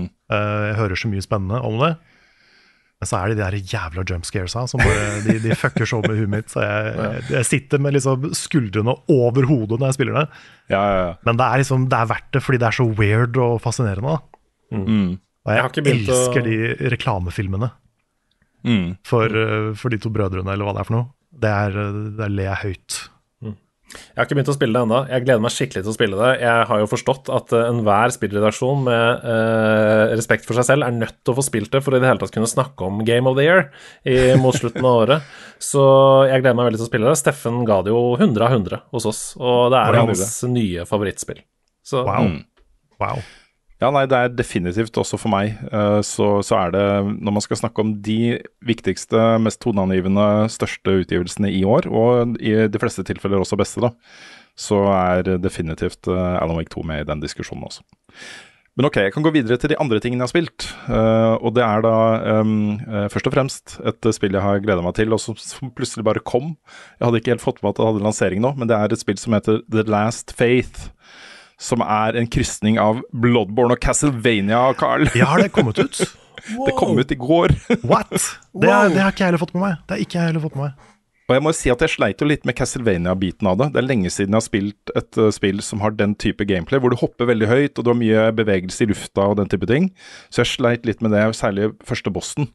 Uh, så jeg bruker nok opptak fra det under uh, podkasten her på YouTube. Det, ble noen forsøk på den første bossen før, liksom, før det begynte å sitte litt. da. Uh, men det har jo disse her Metroidvania, Castlevania-elementene hvor dører er låst, og du ser det er noen kroker der oppe du kan bruke en grappling hook på. Det er et litt stort gap der. Kanskje det kommer en ability seinere som gjør at du kommer deg videre der. og Alle de elementene der funker veldig bra. da. Og så er det et beintøft combat-system og våpensystem i det spillet her. Um, og så Der kommer Bloodborne-funksjonen din. Det er ikke noe skjold, liksom. Du har, uh, du har offensive greier. Du har bare sverd og skytevåpen og forskjellige magic uh, spells og sånne ting.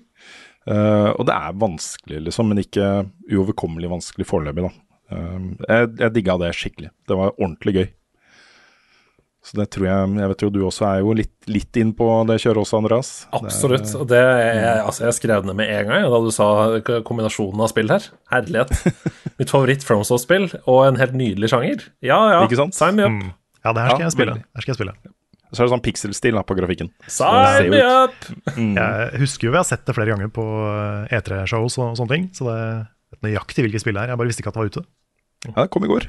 Helt sånn overraskende. Jeg bare så Fighten Cowboy. Jeg, eh, la ut en video om det. Og bare sånn What? Nå? Ja. 15. Herlig. Kjempetips. Ja, ja, ja. Konge.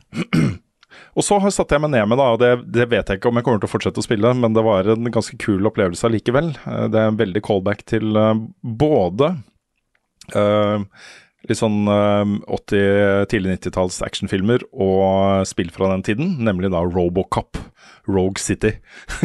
Ja. Og Jeg er det- også sykt nysgjerrig på. Jeg har skikkelig lyst til å spille det. Altså Det er et eller annet med altså det er ikke et, Jeg vil ikke si det er et bra spill. Altså Det er masse elementer der som, som er liksom ikke, ikke den polishen som man er vant til da, fra skytespillsjangeren generelt etter det, og sånne ting. Men det er et eller annet med den der greia om at Robocop han går jo så sakte. og den der dyng, dyng, dyng kommer inn i et rom, ikke sant, og så bare sikt, skyt, sikt, skyt, sikt, skyt. Eh, Så kan du kaste ting, og du kan plukke opp folk, og du kan slå dem, og det er liksom masse sånne greier. da. Så det, allikevel, da, selv om jeg, jeg kan liksom an analysere det og se at det er ikke så veldig bra, så var det ganske gøy. Eh, og så er det også sånn at på slutten av den åpningssekvensen, som er litt sånn prologgreie, før titles og sånne ting, så begynner det å ta en ganske weird vending i historien også, og måten ting du opplever. Så, um, så jeg tror dette spillet har noen overraskelser på lur seinere som er verdt å få med seg også. Så det var en kul, kul opplevelse. Jeg har, jeg har sett en del av det spillet her. Jeg har sett, sett det blitt streama, blant annet. Og det virker som, selv om det ikke har den der trippel A-polishen, som mange andre spill i den sjangeren har, så virker det som liksom det beste Robocop-spillet det er mulig å lage. Ja, det tror jeg nok du har rett i. Vi har snakka om det i nederlandslaget før, at vi må ikke glemme at gøy er nødt til å være en stor faktor når man skal snakke om Ja. spill. Det er jo, det er jo Vi kan gjennomanalysere så mye vi vil, men gøy er jo kjernen. Og det er bare, Jeg syns det er så gøy det derre Jeg har sett de klippene av det du snakker om, den sakte gåinga. Og så sånn supert temposkifte til sånn Når du tar tak i en fyr og kaster ut av vinduet, f.eks. Ah, det ser så gøy ut. Ja, det er, noe, det er litt sånn callback til, eh, til en enklere tid, hvor ting var litt mer sånn fokusert og spissa inn mot en uh, spesiell type opplevelse. Uh, før da folk begynte å bli sånn apekatter i Quake og sånt. Så, um, så ja, nei, det var et hyggelig bekjentskap, det vil jeg si det var, Også. Det er samme callback jeg får i Starfield når jeg går ut og inn av dører, og det loader hver gang. Ja, vi har ikke sånn der, sånn soundboard med shots fired hos oss, men der eh, hadde det kommet, Andreas. Jeg elska Starfield, ga det 90 av 100, så Ja, ja, ja. Jeg savner litt den tida med sånne rare PlayStation 2-spill. Det kom bare ett av de, og det var, det var ikke så bra, men det var unikt, liksom. ja. Jeg, det trenger litt mer sånne. Mm. Litt mer så, altså sånn Det eneste jeg kommer på fra nyere tid, er sånn det er Robocop og Forspoken. mm. ja. Men det trenger litt mer sånne rare, nye greier. Det er gøy, da. Jeg er helt sikker, Det er et eller annet spill som lurer i bakhodet mitt nå, som jeg akkurat har spilt, som hadde passa til den beskrivelsen, men jeg kommer ikke helt på hva det er. Så jeg går videre til det Ja. spillet jeg vet vi har spilt alle tre. Oi, ok. Jusant. Jusant. Jusant. Jusant. Jeg jeg aner ikke hvordan man skal uttale det. Ja, det er Jusant. Det er Jusant. Jusant, egentlig. Jusant. Det, det står i starten eh, hva det betyr på fransk. Husker du hva det var, eh, Andreas? Nei, men jeg husker at det sto. Ja, Ja, jeg også husker at det sto. Ja. Um, men dette er jo dette klatrespillet til, uh, til Dontnod, de som har lagd Life is Strange, blant annet. Uh, hvor uh, du starter da som en gutt uh, med en liten skapning i ryggsekken, som da skal opp et høyt fjell. Og jeg har ikke kommet sånn sjukt høyt opp til fjellet, men det er jo Du setter jo sånne hva, hva heter det? Sånne Pegs, eller sånn. eh, Du setter sånne klatreting i, i veggen for å komme deg Ja. Mm. Nettopp. Så du har tre av de, da kan man liksom uh, må hvile for å få tilbake litt stamina, men du kan ikke hvile for lenge, og staminaen går ned, og så du må komme deg et sted hvor du kan stå, ikke sant. Så det er veldig fokusert på den klatreopplevelsen, uh, med en del litt sånn mystisk uh, et eller annet, noe som foregår, en verden med noe teknologi og noe litt sånn um, Shadow of the Colossus, Last Guardian-vibber rundt, rundt de tingene. Og jeg, jeg liker det, men jeg, jeg er litt sånn nest, eh, litt overraska, for jeg klarer ikke å kjøre det spillet på mer enn medium kvalitet på PC. Er det et eller annet med optimaliseringa der som gjør at jeg ikke kan Fordi jeg, jeg syns jeg, har jeg syns det ser mye bedre ut på video enn jeg klarer å få det på min PC. Jeg har en ganske god PC. Jeg har spilt det på konsoll, så Ja, jeg kan her. ikke si noe om det. Men det virker jo veldig rart. Det virker nesten som om porten har vært dårlig, for det skal jo ikke kreve så mye, det spillet. Nei, det var det jeg mener, for det er jo mye, mye lav Nå er det sikkert helt feil uttrykk. det, er, det er jo ikke det er, Detaljrikdommen er ikke like stor som i en del andre spill eh, som jeg har spilt, da. Eh, Nei, det er mer jeg- stilisert. Jeg har ikke reagert på det på PlayStation. Jeg syns den ser Nei. bra ut, og den kjører bra og alt. Så Mm. Men jeg har alltid hatt lyst til å spille et spill som bare handler om klatring. Og det er klatres, gode klatresekvenser i andre spill jeg er glad i, har også vært på en måte noen av de høydepunktene jeg har hatt i de spillene, i Tomb Raider og, og sånne ting. Så det at vi har et spill som er så skarpt fokusert på klatring, syns jeg er ganske gøy, altså. Jeg det er superbra. Jeg. Jeg får den samme opplevelsen som jeg får med Lake. Det er, det er en sånn zen-opplevelse, det å klatre og bare gjøre de samme tingene. Uh, og det er jo inkludert i GamePass, så hvis man har det, så er det bare å sjekke ut. Mm. det er sant. Det er, eh, jeg følte litt mens jeg spilte det, at det var, eh, det var på en måte journey, men loddrett oppover. At det er sånn Du går oppover i journey òg, men her går du rett oppover. Nettopp. Og det Jeg syns det var bra, jeg også. Jeg, er- jeg runda det i går, Og du gjorde det? så jeg er, er gjennom. og det, jeg syns det var veldig bra. Det traff meg ikke helt på nivå med sånn type Journey og de, de beste av de. Det var kanskje litt mer sånn som det der undervannsspillet, det Abzu. Mm. Mm. Det var mer på nivå med det, sånn, kanskje sånn 7-8 av 10 for meg, da. Ja. Um, jeg tror kanskje også jeg var problemet litt, fordi vi har jo snakka om at vi har vært litt stressa og sånn i det siste, og da er det litt vanskeligere å kose seg med et sånt slappe av-spill. Hvis du ikke helt 100 klarer å slappe av, så blir det litt sånn her Ok, jeg har spilt i tre timer, så var det sånn Nå er jeg kanskje klar for at det skal rappe opp snart. Mm. Og det var veldig mange sånne brev du kan lese på veien, og det er sånn her Ok, noen av de er spennende, men noen av de er ikke så spennende. Mm. Så jeg, jeg, jeg tok meg sjøl i å bli litt utålmodig, og det er litt dumt når jeg spiller et sånt type spill. Men, eh, men det, var, det var veldig bra. Det var mye bra i det. det var, uh, jeg plukka opp en del ting i historien etter hvert som jeg syntes var litt sånn Ok, hva, hva er det egentlig som har skjedd her? Det er litt forskjellige kulturer oppover, oppover på fjellet, og du merker etter hvert at det er noe uh, Det handler om vann. Altså det, det har skjedd noe med vannet.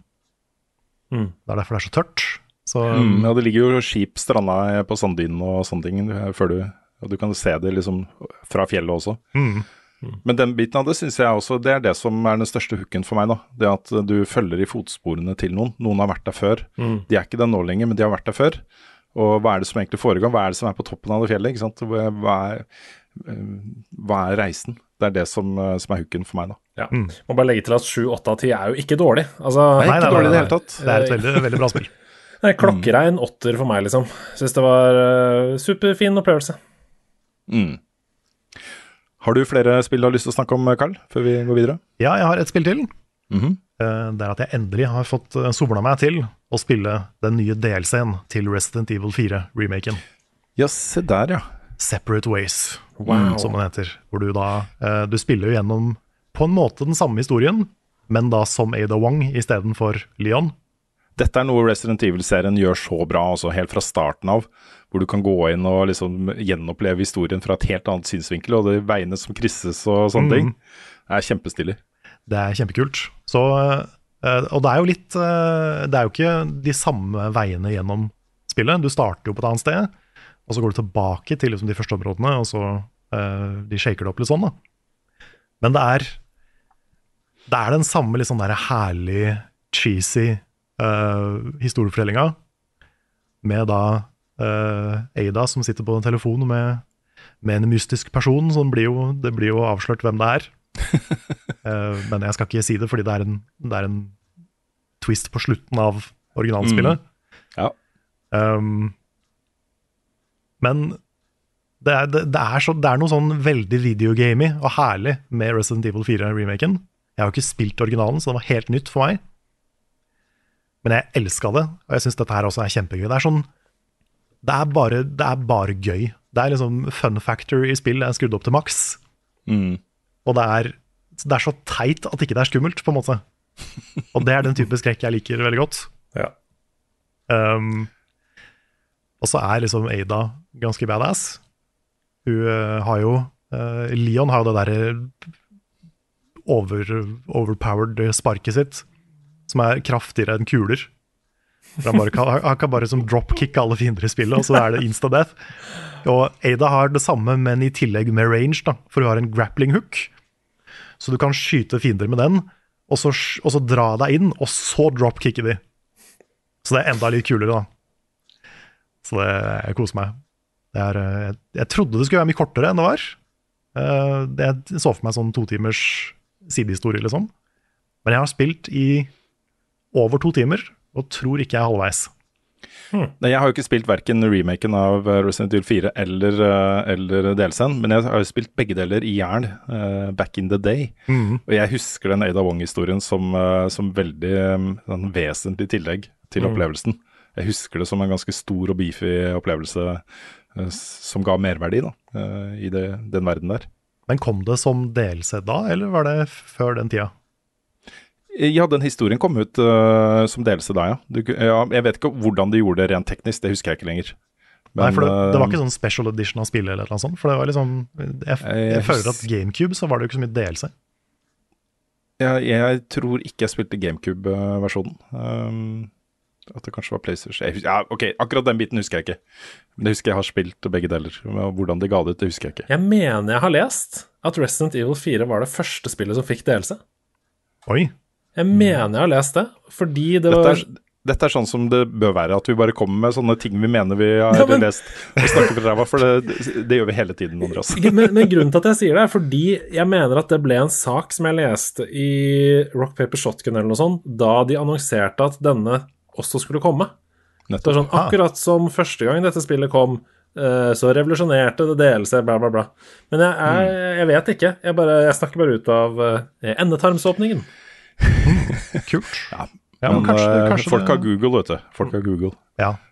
Men, men uansett, verdt å spille hvis du har spilt originale Resident Evil eh, 4 Remake. Vi har også blitt enige i redaksjonen om at alle må spille Resident Evil 4 Remake, hvis vi skal kunne være en seriøs spillredaksjon som skal snakke om Game of the Year. Jeg har bare bestemt meg for å ekskludere remakes da, fra min eh, liste. Ja! Så- Ja, så Du, det er jo liksom. en, det er jo en kjempeidé. Ja jeg, jeg, Skriv har vært, jeg har tenkt ganske mye på det her i forhold til det spillet her spesifikt. Fordi Final Fantasy 7 Remake er et helt nytt spill. Det er, ikke en, det er jo ikke en remake av et gammelt spill, Nei, det, er et, det er et nytt spill. Ikke sant? Uh, og jeg føler Resident Evil 4 også er litt i den campen. Ikke nærme nok for min del, da. Det, det blir akkurat det samme Metroid Ja, for det er, ikke, Prime-remaken. det er ikke helt det samme, fordi Metroid Prime er det samme spillet. Ja, Men Resident Evil 4 er ikke det. Det er, liksom, det er nytt level design, det er nytt gameplay, det er nye cutscenes, historien er fortalt igjen på en annen måte. Så det er egentlig et nytt spill. Men den grøvste jobben, altså den øh, selve spillkonseptet og liksom hvordan øh, dette er bygd opp og hovedrollen og historien og alle disse tingene, der har de ikke brukt øh, veldig mye brainpower for å lage noe nytt. Altså det, handler, det er mer en sånn mekanisk oppdatering av spillmekanikker og, og sånne ting for å få det til å funke bedre i dag. da. Eh, og sånn sett, f.eks. med Dead Space-remaken, som jo var briljant. Eh, men kanskje litt mer en sånn én-til-én hvor de hadde lagt i ting, da. Men eh, det var stort sett den samme opplevelsen, bare med helt nye omgivelser og nye animasjoner og, og sånne ting. Så jeg mener de har en fin plass da i det. Og når jeg skal lage en sak på dette her, eller en video, så vil jeg jo innlede med å si at spillåret i en ganske stor grad har også blitt prega av noen helt fantastiske remakes, ikke sant, og snakke om de på den måten. Men så lar jeg da topp ti bestå av ti spill som kom ut for første gang i 2023. Ikke Ja. sant? Jeg ser den. Jeg bare, for, på min personlige liste så kommer jeg til å ha med Resident Evil pga. det. da, At det er, et, Mm. det er et nytt design av spill fra scratch. Ja. Dead Space Remake, også inkludert i GamePass. Fantastisk mm. opplevelse. Gå og spill det. Har dere prøvd Vann fra springen? Jeg har sett en ny TV-serie nå, vet du. Dette albumet må dere høre. TV-spill er ganske stas. Det er en serie som foregår in space. YouTube.com der er det en kul nettside. Level Ups anbefaling. Vi har en drøss med anbefalinger denne uka her. Massevis. Massevis. Og kalaset skal starte med Andreas igjen. Det er en eh, drøm å få lov til å starte. Jeg har jo i mange år eh, fulgt en podkast som jeg er veldig glad i, som heter 198 land. Og det er fordi vi som er nerder, vi er nerder på gjerne flere ting enn bare spill, og en av dem er geografi og reise. Og det er Einar Tørnquist sin eminente podkast. Den heter 198 land fordi han går gjennom alle verdens land.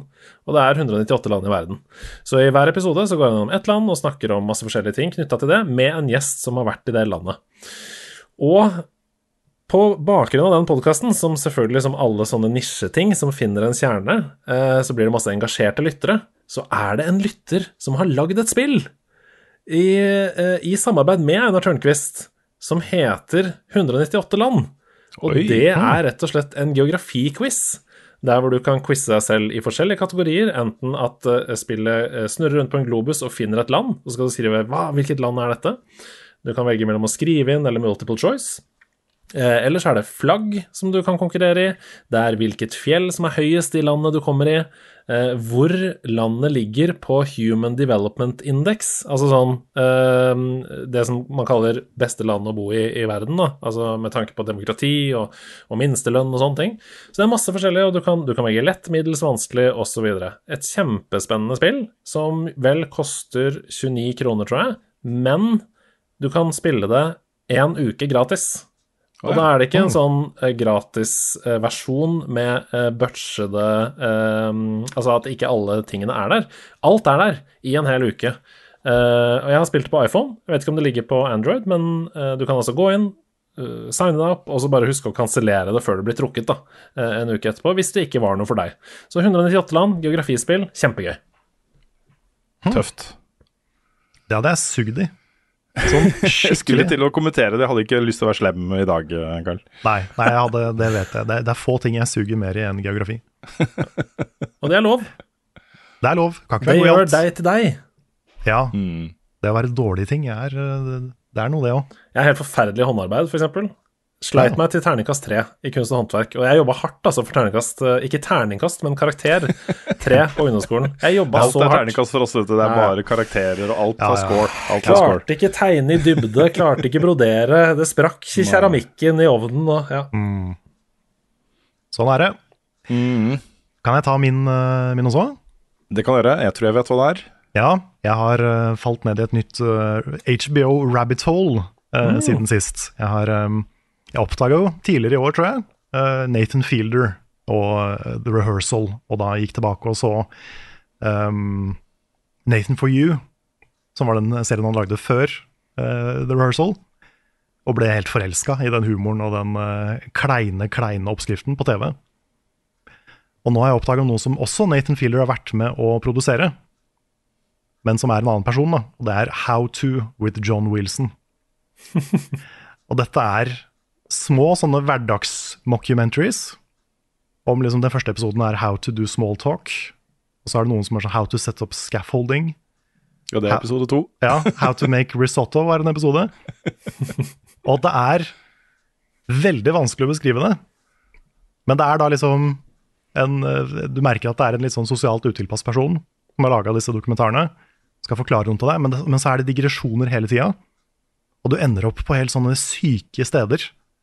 For eksempel How to improve your memory er en episode. Og så ender den opp i løpet av episoden da, ved å, ved å forske på liksom hvordan kan jeg bli bedre i hukommelse. Finner han en fyr som mener at Mandela-effekten er en konspirasjon. Der hvor han driver og hopper i timelines, og så havner han på en messe for folk som også tror det. og intervjuer da ganske spesielle mennesker. Og måten han bruker innklipp på i den serien her, er helt fantastisk. Ja, for det er veldig inspirerende, også Ja. den biten av det, hvordan dette er skrudd sammen. Og han, Mesteparten av dette er jo filma med tror jeg, sånn kamera på hodet eller på capsen eller et eller annet sånt. Mm. Så du ser jo veldig mye av det som skjer i hans perspektiv, og sånn gjennom hans øyne. da. Ja, han har jo bare filma folk i New York i månedsvis, Ja, ja, ja. og brukt det til å illustrere poengene sine. Mm. På noen ganger litt slemme måter, og andre ganger veldig morsomme måter. Og det, Et av favorittinnklippene mine er når han snakker om uh, dette med å pakke inn møblene sine i plast. For det er tydeligvis en ting. At mm. for, for at møbler skal være lenger, så har du sånn plastbelegg på de. Mhm. Og han advarer folk mot å sitte naken på de i varmen. Og da har han illustrert det med at han sakte drar en baconbit opp av plasten. Det er gøy. Det er kjempegøy. Ja, det er kjempegøy. jeg satte meg ned og begynte å se på det sjøl også. Jeg har sett de to første episodene. Ja. Og jeg er, øh, jeg er helt enig. Dette er, er øh, både gøy å se på, inspirerende, men også bra og kleint på en sånn måte som gjør litt vondt, da. Mm. Eh, Den første episoden med Smalltalk, så, så en, han snakker hele tiden om liksom løsninger og hvordan han skal bli bedre til smalltalk og, eh, og sånt. Og en av de var jo at det kan hjelpe å dra på ferie og slappe av liksom og sant, møte nye mennesker og sånt. Og da han, han er i Cancún midt under eh, MTV Spring Break-innspilling. Og han blir bedt om å forlate stranda fordi han er med i alle bildene og ser rar ut på bildet. Da får han seg én venn, da. Og det er det kleineste øyeblikket så langt. Han har et sånt intervju med den ene vennen han får på stranda, som dras også så langt ut, og så ikke tar slutt, og så blir verre og verre og verre. Ja, ja. Åh, Men det er, jeg syns kanskje de første par episodene er de kleineste. ja. Det, det er ikke helt sant. Det er mye kleint i de andre episodene òg, men, men det er Cringe-humoren er liksom på maks i starten, Mhm. men så blir det egentlig bare bedre etter hvert. ok. Det er fortsatt kleint, men det blir Det utvikler seg og blir noe enda, liksom, enda bedre og smartere etter hvert. Ja, For dette tror jeg nok er et sånt tilfelle hvor han starter et sted ikke sant? og har et konsept, og så justerer konseptet etter hvert som episodene går videre. Mm. Etter hvert så blir det litt sånn Av og til blir det litt koselig. Mm. Andre ganger så blir det sånn filosofisk og litt sånn profound. Så jeg, jeg, jeg har sett to sesonger nå, og jeg bare jeg elsker det. Det blir bare bedre. Gjenta hva det het How to with John Wilson på HBO. på HBO. Jeg vil også bare slenge med kjapt at hvis man liker Nathan for you og syns det er gøy, så burde man se Erlend og Steinar hjelper deg, som er sterkt inspirert av Nathan for you. Ja, det har jeg bare sett klipp av.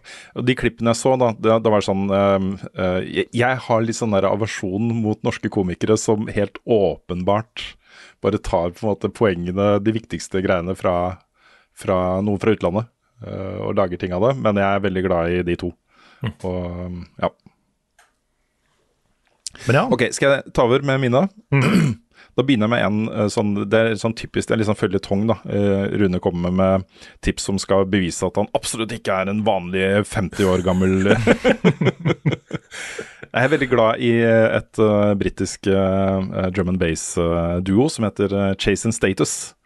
Og de har jo holdt på i 20 år. Og det som jeg syns er så fett, da, er også de har lagd mye bra tidligere. Men det de har lagd nå i år, er det soleklart feteste de har lagd. De har kommet med et nytt album nå som heter Too Rough. Det skrives uh, tall, tallet 2, RUFF, volume 1. Uh, hvor bare hitene er på rad og rekke. Det er altså så bra, det albumet. Uh, kan også anbefale folk hvis uh, man har lyst til å komme litt i klubbstemning. Og jeg er jo ikke noe klubber, liksom. Jeg elsker mye elektronika. Men, uh, men uh, jeg, jeg er ikke den som står og danser. Jeg liker å stå bakerst og høre på, liksom. Bare få stemningen. Uh, men de har, uh, det er et konsept på YouTube som heter uh, The Boiler Room.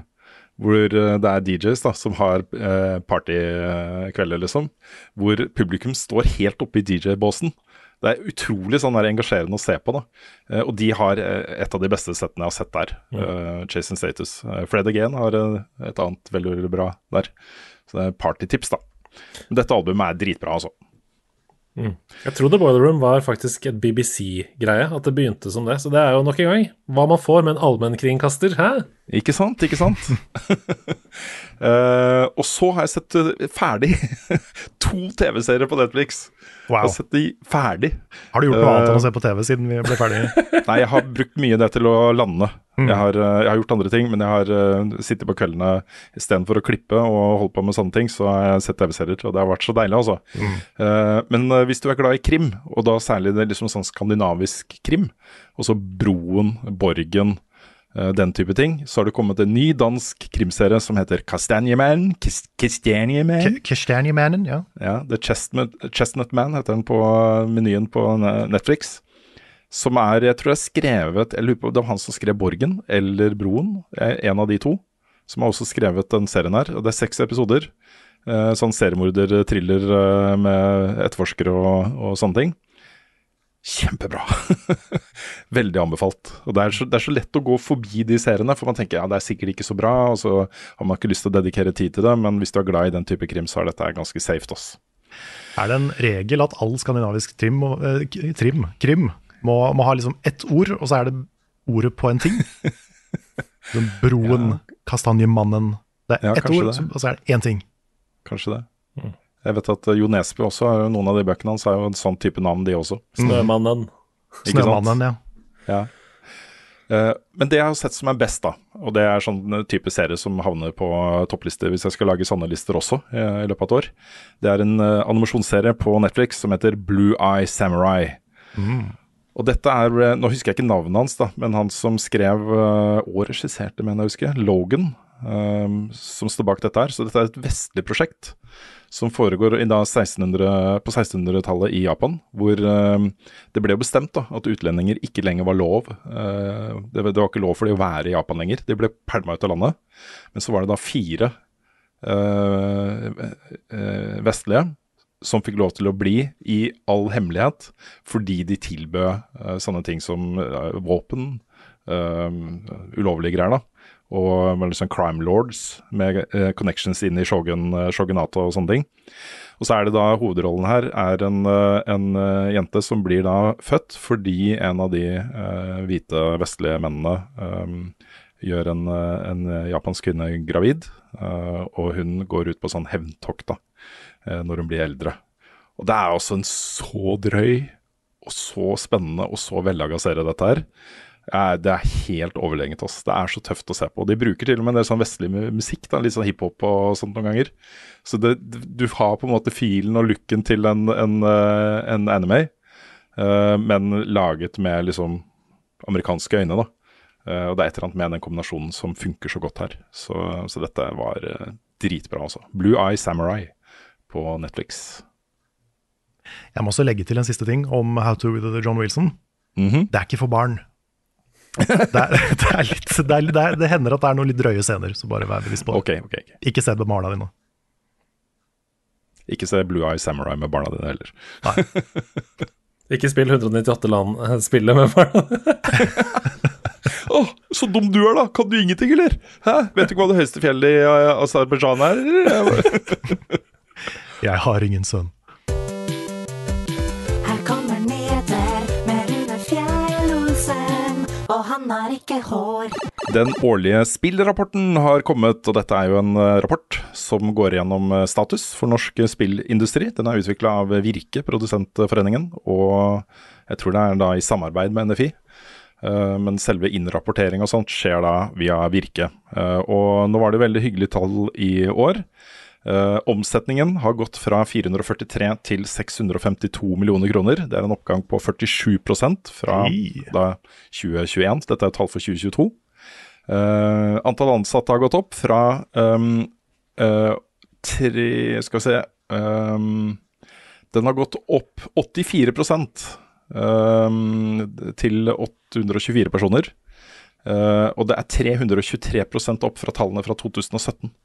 mm. uh, uh, og så har kvinneandelen også gått opp. Den er nå oppe i 29,2% opp fra da 22% året før. Så det er utrolig gøy da, at uh, norske spillbransjer kan vise til den type tall. Men det er en faktor her som jeg syns uh, det er viktig å nevne da, hver gang vi snakker om disse tallene. Det er at vi har jo én aktør i Norge som er større enn hele resten av bransjen til sammen. Mm. nemlig Funcom. Og den innvirkningen de har på de tallene her, er så stor at jeg syns det er litt vanskelig å bare liksom opp 47% Det betyr jo da eh, at omsetningen til Funcom nok gikk opp ganske mye i 2022, eh, som kunne påvirke disse tallene så dramatisk. Eh, jeg snakka litt med Kaja i NFI om det på det arrangementet de hadde på onsdag. Eh, og hun er, hun, hun er jo liksom sånn at ja, vi, vi kan jo ikke ikke inkludere de tallene. De må jo med, og de er jo med som en del av helhetsbildet og sånt. Uh, og de har allikevel, da, de tallene bak der, så ser de en fremgang uansett, liksom. Uh, Så selv om tallene kanskje blir litt sånn skeive av at vi har en aktør som Funcom, så er det fortsatt oppgang. Det er fortsatt flere selskaper som ansetter. Kvinneandelen vokser. Alle disse tingene er fortsatt reelle, da. Så, um, så det er jo hyggelig. Vi er jo fortsatt en dverg sammenligna med Sverige. Eh, Men et annet poeng Kaja hadde på det, var jo at også i Sverige så er det jo noen lokomotiver, da. som eh, drar tallene veldig opp. Så det er, jo et, det er jo et godt poeng. Um, og så er det Game Awards. Det er 8. desember for oss, da. Det er jo egentlig 7. desember, men dette foregår da klokka halv to på natta, vår tid. Natt til da 8. desember. Mm. Um, nå er nominasjonene klare. Jeg har vært inne og stemt. Har dere vært og stemt, folkens? Oh, Jeg har ikke yes. stemt, men jeg har sett over alle kategorier. Unnskyld, ja, nå prata jeg munnen på deg. Hva sa du, Karl? Ja, nei, sorry. Jeg, jeg sa bare jeg har ikke stemt, men jeg har sett eh, nominasjonene. Ja. Jeg, jeg oppdaga litt for sent den der knappen for neste kategori. Så jeg har stemt på beste e-sportutøver og beste trener og alt mulig rart. Mm. men uh, det påvirker sannsynligvis ikke øh, utfallet. Eh, men det er jo interessant å nevne da at det er øh, to spill som leder an her. Det er øh, åtte nominasjoner til Alan Wake 2 øh, og åtte til Baldur's Gate 3. Eh, det er også verdt å spørre hvor ble det av Starfield? Det har fått én nominasjon i kategorien av beste rollespill. Um, og så er det interessant å diskutere om eh, Dave the Diver faktisk er et indiespill eller ikke.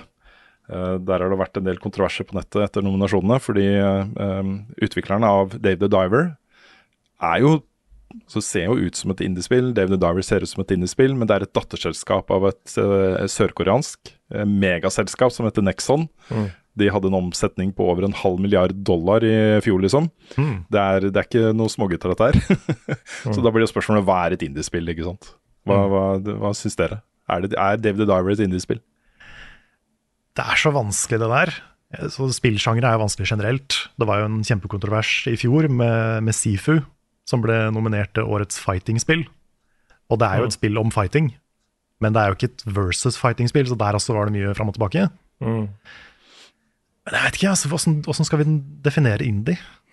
Nei, det må jo være å ikke svare til noen, da. Det er jo det som betyr å være independent, at man tar alle avgjørelsene selv, og det kan man jo vel i høyeste grad si at David Diver da ikke gjør. Hvis de er nødt til å svare til et annet selskap som eier dem, og som kan påvirke dem kreativt og sånn, men jeg vet jo ikke eh, kjernen i det. Nå bare snakker jeg om min definisjon. Altså, dere er jo independent når dere ikke har noen Altså, vi i nederlandslaget er jo det, for vi har jo ikke noen utgiver. Ikke sant? Mm. Men med din definisjon da, så må vi jo inkludere Boulderskate 3 da, i den kategorien. Ja. Ja, ikke sant, Gate er jo teknisk sett indie. Ja, men da må man jo legge på noen andre faktorer, da. Hvor mange i teamet, eh, hvor stort budsjett, f.eks. Skal det ha noe å si? Eh, men jeg tenker sånn alle Altså, alle eh, prisutdelinger må jo få definere som de selv vil. Ja, Må ja, man ikke det, da? Altså, jeg, jeg satt og tenkte litt på dette her, og er, har alltid vært litt sånn usikker selv på hva jeg tenker om hva er egentlig indie, hva er indie, hva er retro, hva er indie. De to tingene er veldig vanskelig å definere. Eh, og da innså jeg at spill har jo ikke det som eh, film og eh, musikk har. Også i musikk så har du kategorien alternative. Altså det er alternative rock, alternative Mm. folk, alternative. Også, dette er på en måte spill litt utenfor allfarvei, da de har en estetikk kanskje, og en, en, et fokus og en, en oppbygging og en presentasjon som selv om de, ikke er like hverandre, så er det en del fellesnevnere med det man kan kalle indiespill. Mm. Eh, I hvert fall eh, hvis man skal se det som en ting, da. Mer enn hvem som eier de og sånne ting. Eh, og jeg har ikke noen problemer å, re- å kategorisere på en måte Dave the Diver ved siden av Dredge. At de to tingene kommer litt fra det samme stedet.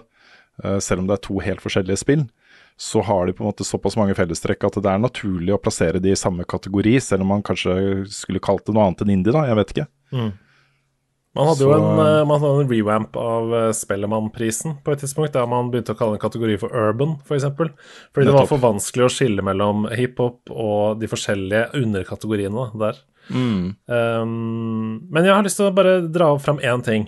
Hva tenker dere om at Cyberpunk er satt i Best Ongoing Game? Altså som i sånn Game as a Service, på linje med Fortnite og Apex Legends osv.? Helt uenig. Ja, det er, er det rart. rart? Det er veldig Det er rart. kjemperart. Det eneste de har tilført som er helt nytt der, er jo en delelse. Og det, den delscenen blir jo nominert i kategorien beste historie, f.eks. Uh, og beste hovedrolle, eller rollefigur, uh, med Idris Elba og sånne ting. Og det er, det er greit, men det er ikke et ongoing-spill. Det jeg hører ser- ikke hjemme sammen med de. Jeg ser ingen grunn, og alle de andre spillene som er nominert, er klokkereint. Da tenker jeg sånn, ja, det er riktig, men Cyberpunk det er det samme som å uh, putte Resident Evil 4 der, fordi det har fått en delelse. Ja, Det eneste de har gjort som er ongoing, er jo å fikse spillet. Gjøre Ja. det klart til eh, lansering. Ja, nei, det skjønner jeg ikke. Nei, det var veldig rart. Uh, men en kategori som jeg ble veldig happy for, da, uh, det var jo Content Creator of the Year, som stort sett er en kategori jeg bare hopper elegant over. Ja. Men i år er da faktisk, faktisk People Make Games nominert. Ja, det så jeg. De heier på. Mm. Er, nå har jeg ikke voldsom kjennskap til de andre, men de er jo dritflinke. Mm. Ja, det er bare kult at noen journalister har blitt nominert der. Også en Mm. kanal som jobber med, med investigative journalism og går skikkelig i dybden på ting som er viktig. Det er dritkult. Jeg veldig, ble veldig happy for å se det også. Enkleste stemmen jeg har gitt. Ja, samme her. Det var bare umiddelbart. Det var derfor jeg gikk for å stemme, og så endte jeg opp med å stemme de andre kategoriene også, men ja. det var dritkult. Jeg går bare litt sånn kjapt gjennom de andre kategoriene. Jeg foreslår, Carl, at vi neste uke, eh, eller i hvert fall i forkant av eh, faktisk Game Awards, at vi lager en prediction-spesial i podkasten her. At vi Det kan vi gjøre. mm, kan, Jeg- Kanskje vi kan lage noe sånn et eller annet vi kan bruke mens vi går live og dekker det. Se hvem som kommer nærmest. Ja, det kan være sånn, sånn bingo. Ikke sant? Ja.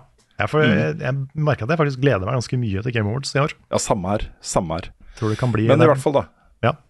Ja, I hvert fall eh, eh, kategorien Game of the Year så er det jo da Alan Wake 2, eh, Boulderskate 3, Spiderman 2, eh, Resident Evil 4, Karl, Mm. eh, Super Mario Bros. Wonder og da selvfølgelig Zelda Tears of the Kingdom som er eh, nominerte. Um, jeg har ikke noen store innsigelser her, men jeg skulle likt å se Cocoon eller, eh, eller Dredge eller et sånt type spill der også. Det er litt uh, Triple A-tungt. Det syns jeg ikke er helt dekkende for, eh, for året. Nei, det er sant. Jeg, hmm. Jeg vet ikke om jeg har noen av indie-spillene i år så høyt som de som er nominert. Nei. Men, eh, Vi men trenger ikke også diskutere det i detalj, men, øh, men øh, i hvert fall, da. eh, Det er ikke noe kontroversielt. Jeg syns ikke den er Bortsett fra kanskje at man kan ha en diskusjon på Resident Evil 4, da, som vi har hatt. Så det trenger vi ikke å ta igjen. Uh, beste game direction er igjen da Alan Wake 2, uh, Baldur's Gate 3, uh, Tears of the Kingdom og Super Mario. Wonder og Spiderman 2. Eh, beste narrative, Alan Wake 2, Baldur's Gate 3 og da Cyberpunk eh, 2077, Phantom Liberty. Uh, her kommer Final Fantasy eh, eh, 16 inn. Eh, og da Spiderman 2. Eh, beste art direction, Alan Wake 2. Hi-Fi Rush, faktisk. Eh, men også Lies of P. Det var veldig kult. Eh, Super Mario Bros. Wonder og The Tears of the Kingdom. Og så er det, det er bare én nominert til beste score and music, og det er Alan Wake 2. nei, Så hopper over det er ikke det. Er ikke, det, er ikke det. Nei da, det er flere. Det er Baldur's Gate 3, Final Fantasy 16, Hi-Fi Rush og Tears of the Kingdom, selvfølgelig. Jeg savner, savner Chia der. Chia har et amazing soundtrack. Enig. Mm. Uh, også da beste indiespill. Cocoon, Dave the Diver, Dredge, Sea of Stars og Viewfinder. Eh, ja, og så eh, kan vi si det, det er greit. Det blir veldig spennende å følge dette her. Dette, det som er tingen med disse nominasjonene, er at det er jo en eh, Det er jo eh, Folk nominerer, altså presse og folk som jobber med spill, nominerer inn i disse kategoriene her. Eh, og um, i motsetning til da en del andre Du hadde jo akkurat Golden Joystick Awards, f.eks., som har jo en veldig tidlig cutoff. Cutoff som betyr at Alan Wake 2 kommer jo ikke med på listene der. Og da blir de litt rare. Så jeg syns Game Awards er ganske flinke til å legge cutoffen så sent at det går an å få med Uh, faktisk da, årets beste ting, selv om det vil være hull der også. Mm. Uh, og så er den ikke basert på at noen har betalt masse penger for å bli nominert. Det er sant. Det har jo um, skjedd før på Game Awards også, at eh, svære spill ikke har kommet med. Og da har de ofte kommet med året etter, men da er de så glemt Ja. at de, de blir liksom ofte ikke vurdert ordentlig. da. Mm. Så det er litt synd. Jeg gleder meg til showet. Yeah. Um, bare et par kjappe saker til. Jeg syns dette her var litt interessant, fordi Sony har søkt om et nytt patent. Uh, og patentet er sånn at hvis du har runda et spill, så vil spillet ha uh, sånne triggerpunkter, altså nøkkelpunkter gjennom spillet, som du kan velge å starte spillet fra det. Og jeg har ikke tall på hvor mange ganger jeg kunne trengt et sånt triggerpunkt, for jeg skal inn og ta opptak av et eller annet, eller jeg, skal, jeg har bare lyst til å gjenoppleve en boss eller et eller annet, liksom. Og så er spillet 70 timer langt. um, men det, er, det, hører, det høres ut som en genuin innovasjon for eh, det å gjenoppleve spill, altså. Jeg er enig. Vi snakket om det i denne ukas nyhetsspalte, vi også, i nederlandslaget. Og det er jo to uh, grupper som jeg tror kan nyte veldig godt av det. For det første content creators, som trenger å hoppe til et spesifikt punkt for å enten ta lyd- eller filmopptak til noe de uh, snakker om.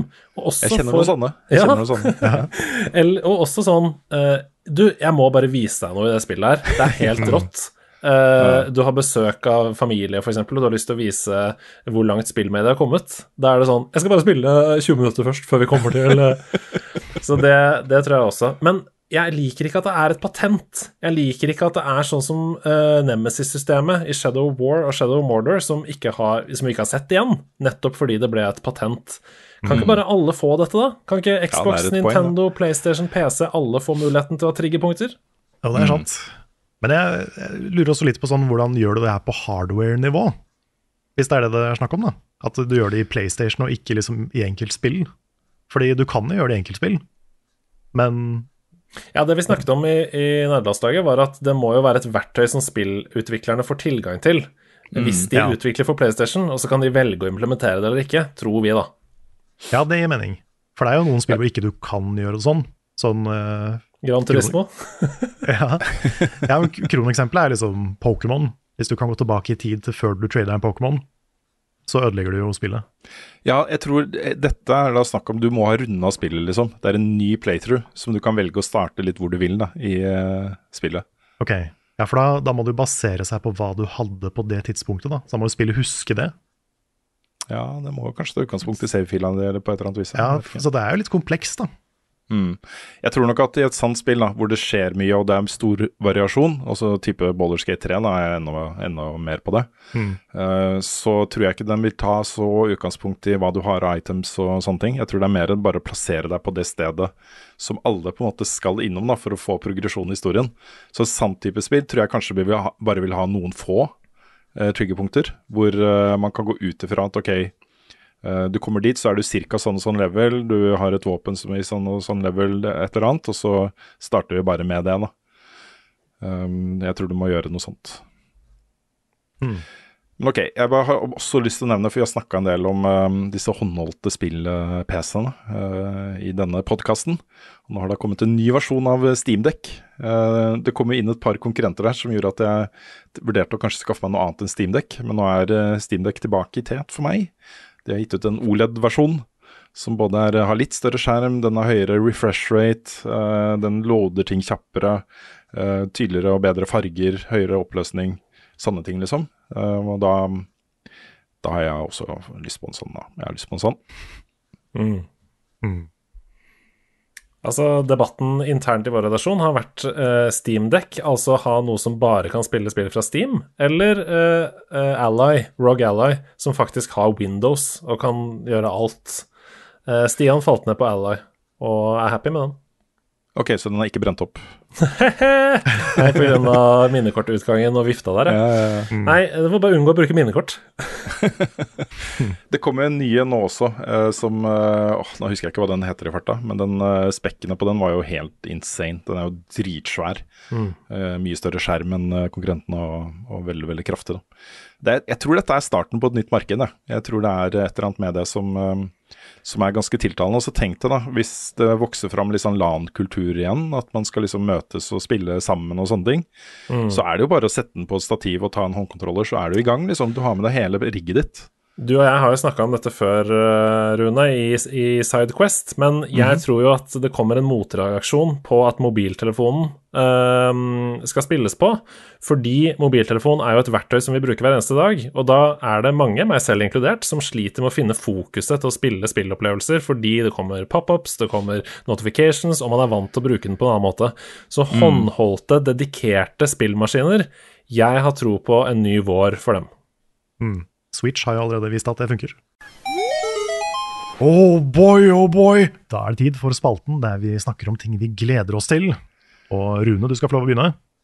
Ja, dette er litt sånn eh, downer også, fordi dette er jo en ganske uh, trist, men, uh, eller vemodig, eller hva man skal kalle det, historie, uh, som egentlig alle som er opptatt av spill i Norge kjenner til fra før, nemlig historien om Mats Iblin, som, eh, som jo gikk på NRK. Nå blir jo dette en dokumentarfilm, eh, og den dokumentarfilmen lages av eh, ikke ukjente Benjamin Ree, som eh, Vi var jo kollega med han i VGTV. Karl. Mm. Han starta jo utviklingen av Magnus mens han var eh, i VGTV, og så nå er han jo bare dok dokumentarfilmskaper. Og kanskje mest kjent da for 'Kunstneren og tyven'. Eh, ble ikke den Oscar-nominert, Andreas, eller husker jeg feil? Åh, godt spørsmål. Har ikke det på tunga, men det høres kjent ut. Ja, I hvert fall veldig anerkjent. Eh, og det at han med hans øye og, og, og personlighet går inn i denne historien for å dok dokumentere. Og jeg har hørt litt om hva han har av tilgang til materiale til uh, den filmen her. Uh, det kan bli på en måte litt sånn retraumatisering. Fordi jeg husker jo liksom jeg satt meg ned og leste den historien. Jeg husker jo hvor jeg var, uh, hvilken dag det var, og hvordan det prega liksom hele den dagen min da, da jeg leste den historien på NRK. Uh, men det at dette blir dokumentarfilm nå, det er eh, ja, veldig sterkt, altså. Mm. Og vi skal på en pressevisning, eller en sånn førvisning av den duka, Karl. Karl. Uh, og da er jeg bare sjukt spent. Jeg er sjukt spent, Mm. og gleder meg, og gruer meg litt også, da, men mest eh, gleder meg. Jeg kan bare si jeg var på en panelsamtale knytta til denne filmen i Bergen, på Spillhuset, eh, sammen med faren til Mats og Maria eh, på Spillhuset. Og det var en utrolig fin opplevelse. Vi så på klipp fra filmen, og det som imponerer meg aller, aller mest med den filmen Jeg jobba med uh, Jeg mot meg, da jobba jeg Anti, som var en NRK-serie. Uh, og det å få tillatelse til å bruke klipp fra World of Warcraft, fra Blizzard, det er en så enorm prosess som krever sin kvinne og mann å få til. Uh, og det som Benjamin har fått til med denne filmen, det er at han har funnet på en server i Sør-Korea 80 000 sider med dialog som Mats faktisk skrev i World of Warcraft. Og derfor så har han kunnet gjenskape scenene i spillmotoren til Blizzard i World of Warcraft. Så det, det dokumentaren veksler mellom eh, scener IRL og scener der man møter spillkarakteren til Mats med hans egne ord, som han utveksler med andre spillkarakterer. Og det er Altså, eh, Blizzard har spilt så på lag her eh, og gitt dem tilgang til alt mulig, så det har blitt de, Spesielt de scenene inne i World of Warcraft har blitt skikkelig, skikkelig fine. Hmm Ja, da er veldig spent. Denne filmen skal jo ikke lanseres før eh, på vårparten. Eh, det var snakk om at den skal først gjøre litt sånn festivaler eh, i mars. eh, og så da kanskje norsk lansering mot eh, nærmere sommeren, da. Men, eh, men jeg jeg er veldig spent også. Veldig spent. Ja, jeg vil bare kjapt si at jeg gleder meg skikkelig til julekalenderet.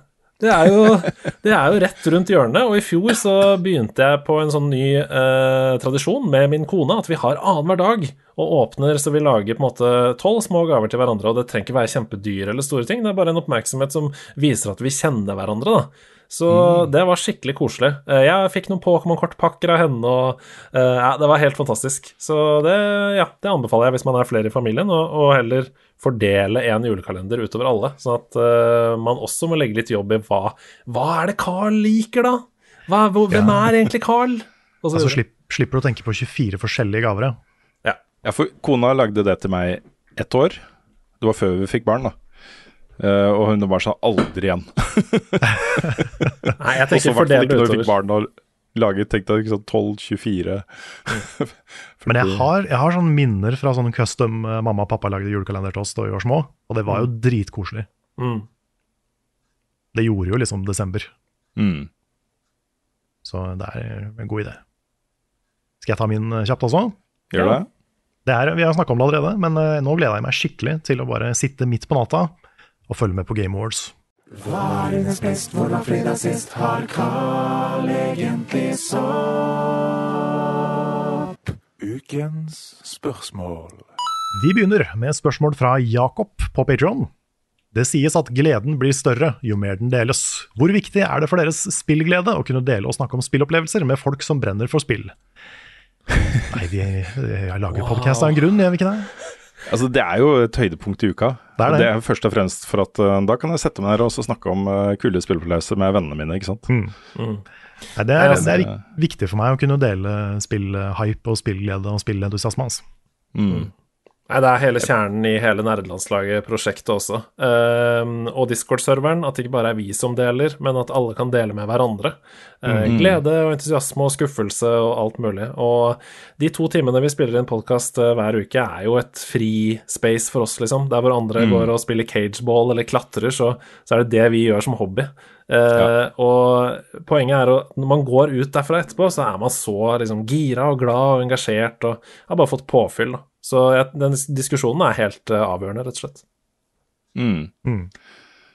Ja, nei, det er, eh, det er eh, veldig viktig. Det er, det er så viktig at jeg til og med prøver å, å Når det er historier jeg mener har relevans utenfor spill, da, uh, ting jeg har opplevd i spill, så prøver jeg å dele med kona. Det er, hun er ikke, det er ikke alt som treffer, men det hender av og til.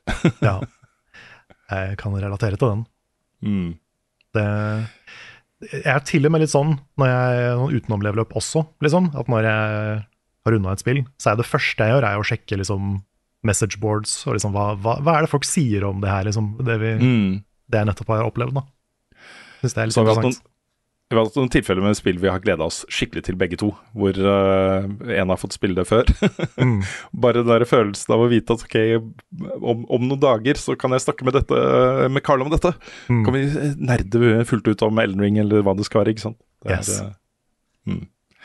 Jeg tar et eh, spørsmål her fra Fredrik eh, Johansen, som akkurat har satt seg ned med Cyberpunk 2077. Um, og må bare si at det er helt insane gøy spill med så mye fett innhold.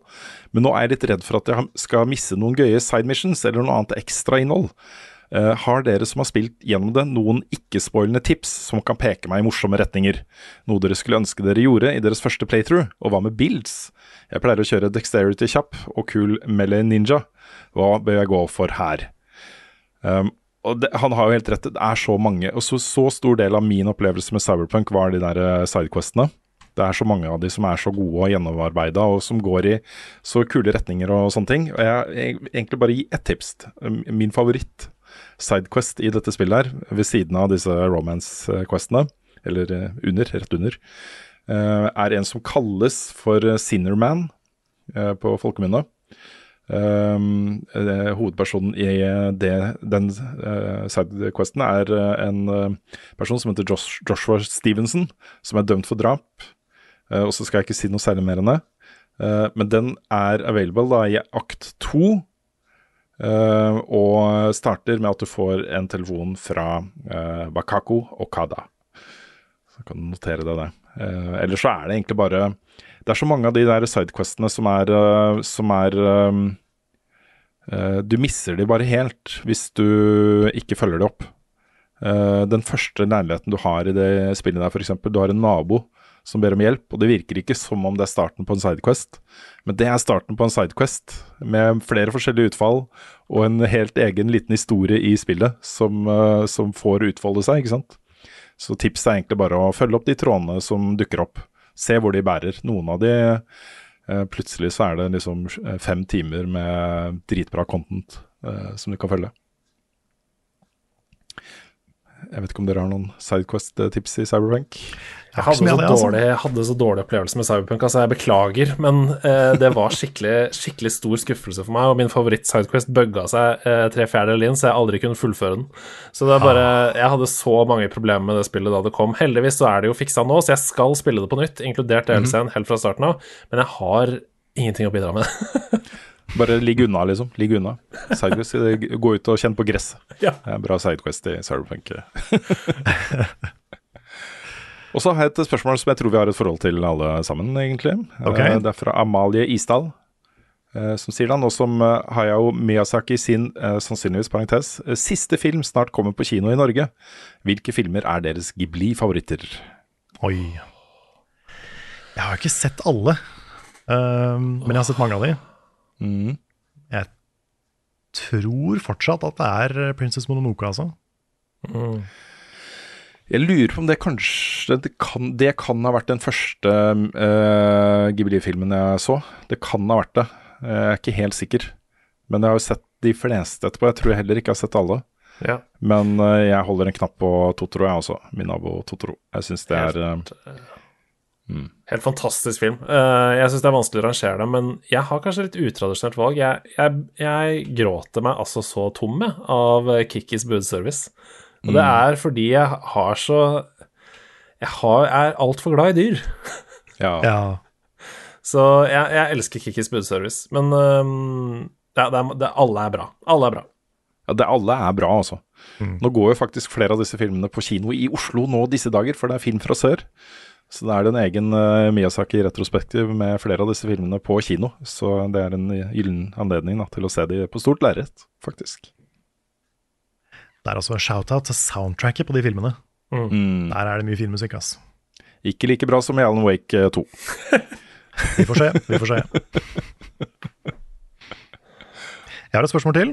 All right. Eh, et spørsmål jeg ikke egentlig har noe bra svar på, så jeg, jeg er spent på om dere har det. Jeg bare skyter inn at jeg må reise, Carl. Ja, jeg er nødt til å ja, gå. det- Jeg skal i en middag med mine foreldre. Ah, ja, men det, må- det, må du, det må du rekke. Så jeg må Det var bare veldig, si veldig hyggelig du kom innom, Andreas. Kjempegøy, altså. tusen hjertelig takk for at dere tok meg inn i varmen. Det er alltid gøy å snakke, det har vi jo etablert nå, å snakke med venner om spill. Eh, så også sant. dere. Så dette var utrolig koselig. Jeg stiller opp eh, når dere måtte ønske. Eh, veldig, veldig hyggelig. Lykke til med alt dere skal inn mot jul. Så snakkes vi snart. Det gjør vi. Det gjør vi. Bare send meg opptaket på et eller annet vis. Så- Det skal jeg gjøre. Yes. Tusen takk for at du kom. Bare hyggelig. Ha, ha det bra, Andreas. Ha det bra, alle sammen. Bra. Kom og møt oss på Spillekspo. Ha det. Ha Ha Hei. det. Det var Andreas Hedemann fra Mm. nerdelandslaget. For en mann. For en mann. Herlig mann. Han kan komme så ofte han vil. Oh yes. Men vi har et spørsmål fra Martin Herfjord, som jeg vet at dere snakka litt om forrige uke. Og igjen, jeg har ikke noe bra svar, men jeg er spent på om du har det. Ja, nettopp det med Ja, fordi du Vi vil jo gjerne ha med deg på den, eh, det spørsmålet, så da kan du jo eh, Da får du en ny mulighet til det. Ja, det er fra Martin Herfjord. Selda live action-film. Hva tenker dere, og hva er deres drømmecast? Mm. Dette er jo Jeg er veldig spent på liksom hvordan ser en live action Selda-film ut. Mm. Jeg håper jo det ser ut som Ringenes herre, liksom. Mm. Eller kanskje til og med enda mer CG, at det blir sånn fantasy-pent. At det nesten blir en animasjonsfilm. Mm. Men det tror jeg kanskje ikke det blir. Da hadde de sikkert sagt det. Altså TV-serien 'Ringenes herre' var jo litt, også 'Maktenes ringer', var jo litt mer litt sånn stilisert, følte jeg. Mer uh, CGI-bruk av det for å skape sånne fantastiske miljøer og sånn. Ja, kanskje. han der Wes Ball, han som er eh, regissør, han er jo kjent for å lage litt sånne type ting. Mm -hmm. uh, blant annet den nye Planet of the Apes-filmen. Det er jo mer CG enn live action, selv om det blir kalt en live action-film. Mhm. Fordi disse, disse apene finnes jo ikke på ordentlig. De gjør ikke det. De gjør ikke det. Så jeg, jeg er veldig nysgjerrig på det. Men skuespillere syns jeg er, det er sykt vanskelig. For det er, ingen, det er ingen skuespillere som ser ut som Link og Zelda. Eller Gannon. Da blir, blir det vel Chris Pratt eller Tom Holland igjen, da. Ja, for Tom Holland er det mange som spekulerer i. Og det Jeg har ikke lyst til å se det, ikke fordi jeg har noe imot Tom Holland, men han er liksom, han er liksom Spiderman, han nå. Han har allerede vært Ja. Nathan Drake, han trenger ikke være Link òg. Victor Sotberg kunne vært Link.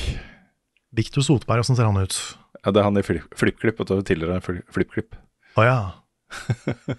ja.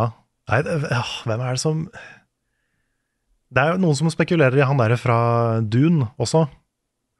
Timothy Chalamet. Timothy Chalamet.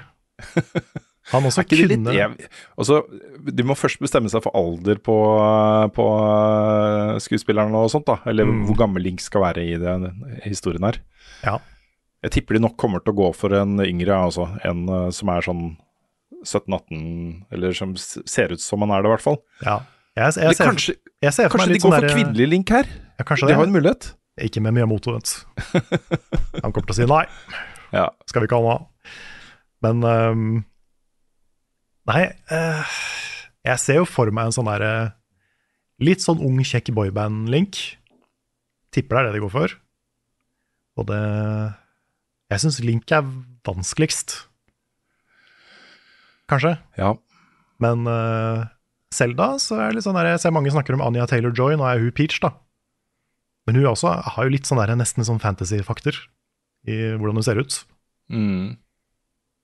Men eh, kanskje, hun som, kanskje hun som spilte Supergirl i den, Mm. den, den serien, hun kunne kanskje vært Selda.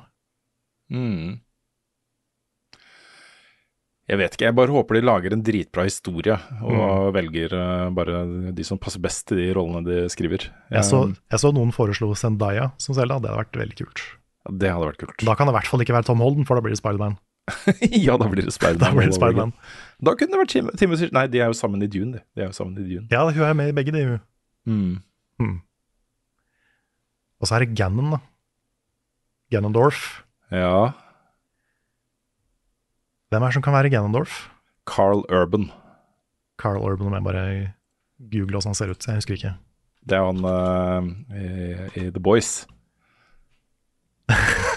Altså, han som Ganondorf? Ja. Ja, I don't know. Men jeg hmm, tenkte jo litt på sånn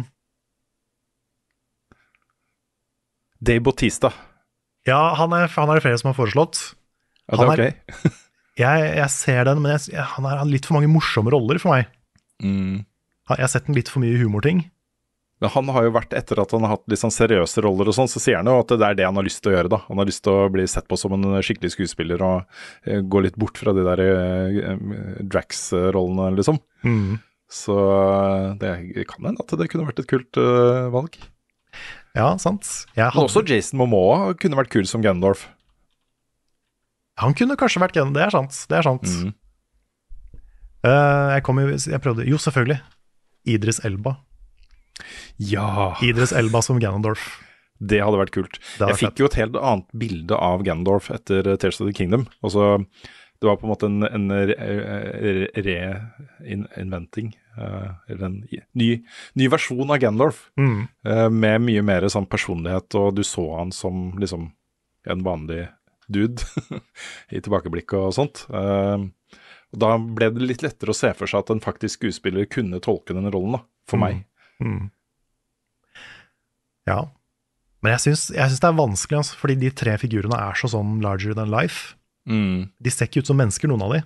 Nei. De er liksom litt for stiliserte, så det er, det er vanskelig å caste de. Mm. Men, eh, men jeg er veldig spent på hva de gjør. Mm.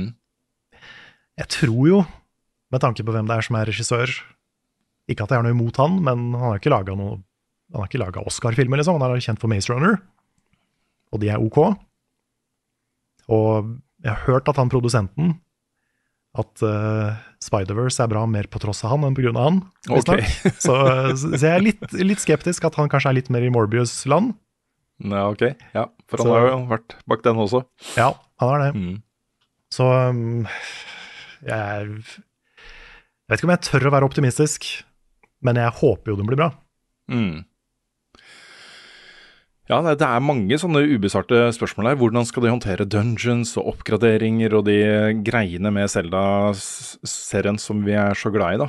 Ja. Um, Hvor mye hvordan skal de fri til oss, liksom? Hvor mye av Selda kommer til å være i filmen. Mm. Ja, for den grunnleggende historien er jo bare også, Det er jo den klassiske heltereisehistorien, liksom. Med et, eh, en verden som er truet med utslettelse, og du skal inn som den enslige helten som skal redde hele, hele verden og sånt. Og hvordan gjør du det? Der, der er det jo rom for tolkning da, når man skal filmatisere det. Man kan jo liksom lage nye typer historier Mm. med det som ramme. Det er sant. Mm. Det er sant. Jeg lurer på om vi må runde av der, fordi eh, nå kommer straks eh, Espen og henter noen greier her. Det er helt greit. Lang nok podkast. Ja, det ble en beefy podcast i dag, altså. Mm. Men da er det bare å, runde av her og si eh, dette har vært en podcast utgitt av moderne media. Låten i introen og outroen er skrevet av Ole Sonnik Larsen og arrangert og framført av Kyoshu Orchestra. Vignetten er lagd av fantastiske Martin Herfjord, som også spurte om eh, Zelda-filmen. Eh, Du finner alt det vi lager på youtube.com slash levelupnord. Du finner Patron vår, patron.com slash levelupnorge. Hvis du har mulighet til å backe oss månedlig der, så har det masse å si for eh, vår eh, stabilitet som selskap. Det er sånn vi, sånn vi har holdt ut i åtte år, er det vel nå? Mhm. Det er vi voldsomt takknemlige for, så tusen hjertelig takk. Ja, det er helt vilt. Vi har en eh, webshop på levelupnorge.myspreadshop.no, og vårt fantastiske community er på discord.gg slash levelupnorge. Har jeg glemt noe? Jeg sona litt ut, så jeg vet ikke. Nei, vi streamer på Twitch. Twitch.tv slash levelupnord. Der kan du se på oss live. Mm. Og med det så plugger vi komplett eh, streamen, dvs. Si eh, Gamer mot barnekreft-streamen, som er ikke nå denne fredagen, men fredagen neste uke. Den 24. november. Den, den 24. Der kommer vi to til å være. Kanskje flere, mm. det vet ikke jeg nå. Nei. Men i hvert fall, i hvert fall vi to kommer til å Hvert fall stre oss. streame fra klokka ti på, eh, på formiddagen. Så da sier vi takk for nå. Takk for at du hørte på, og ha det bra.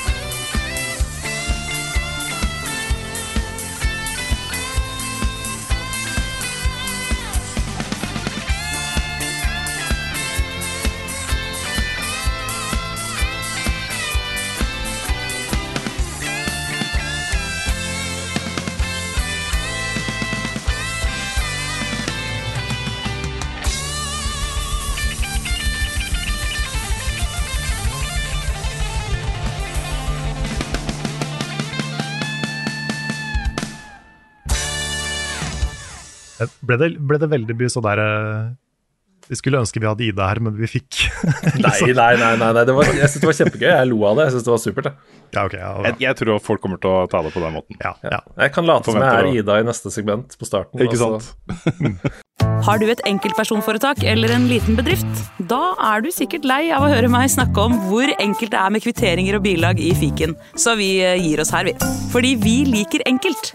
Fiken superenkelt regnskap.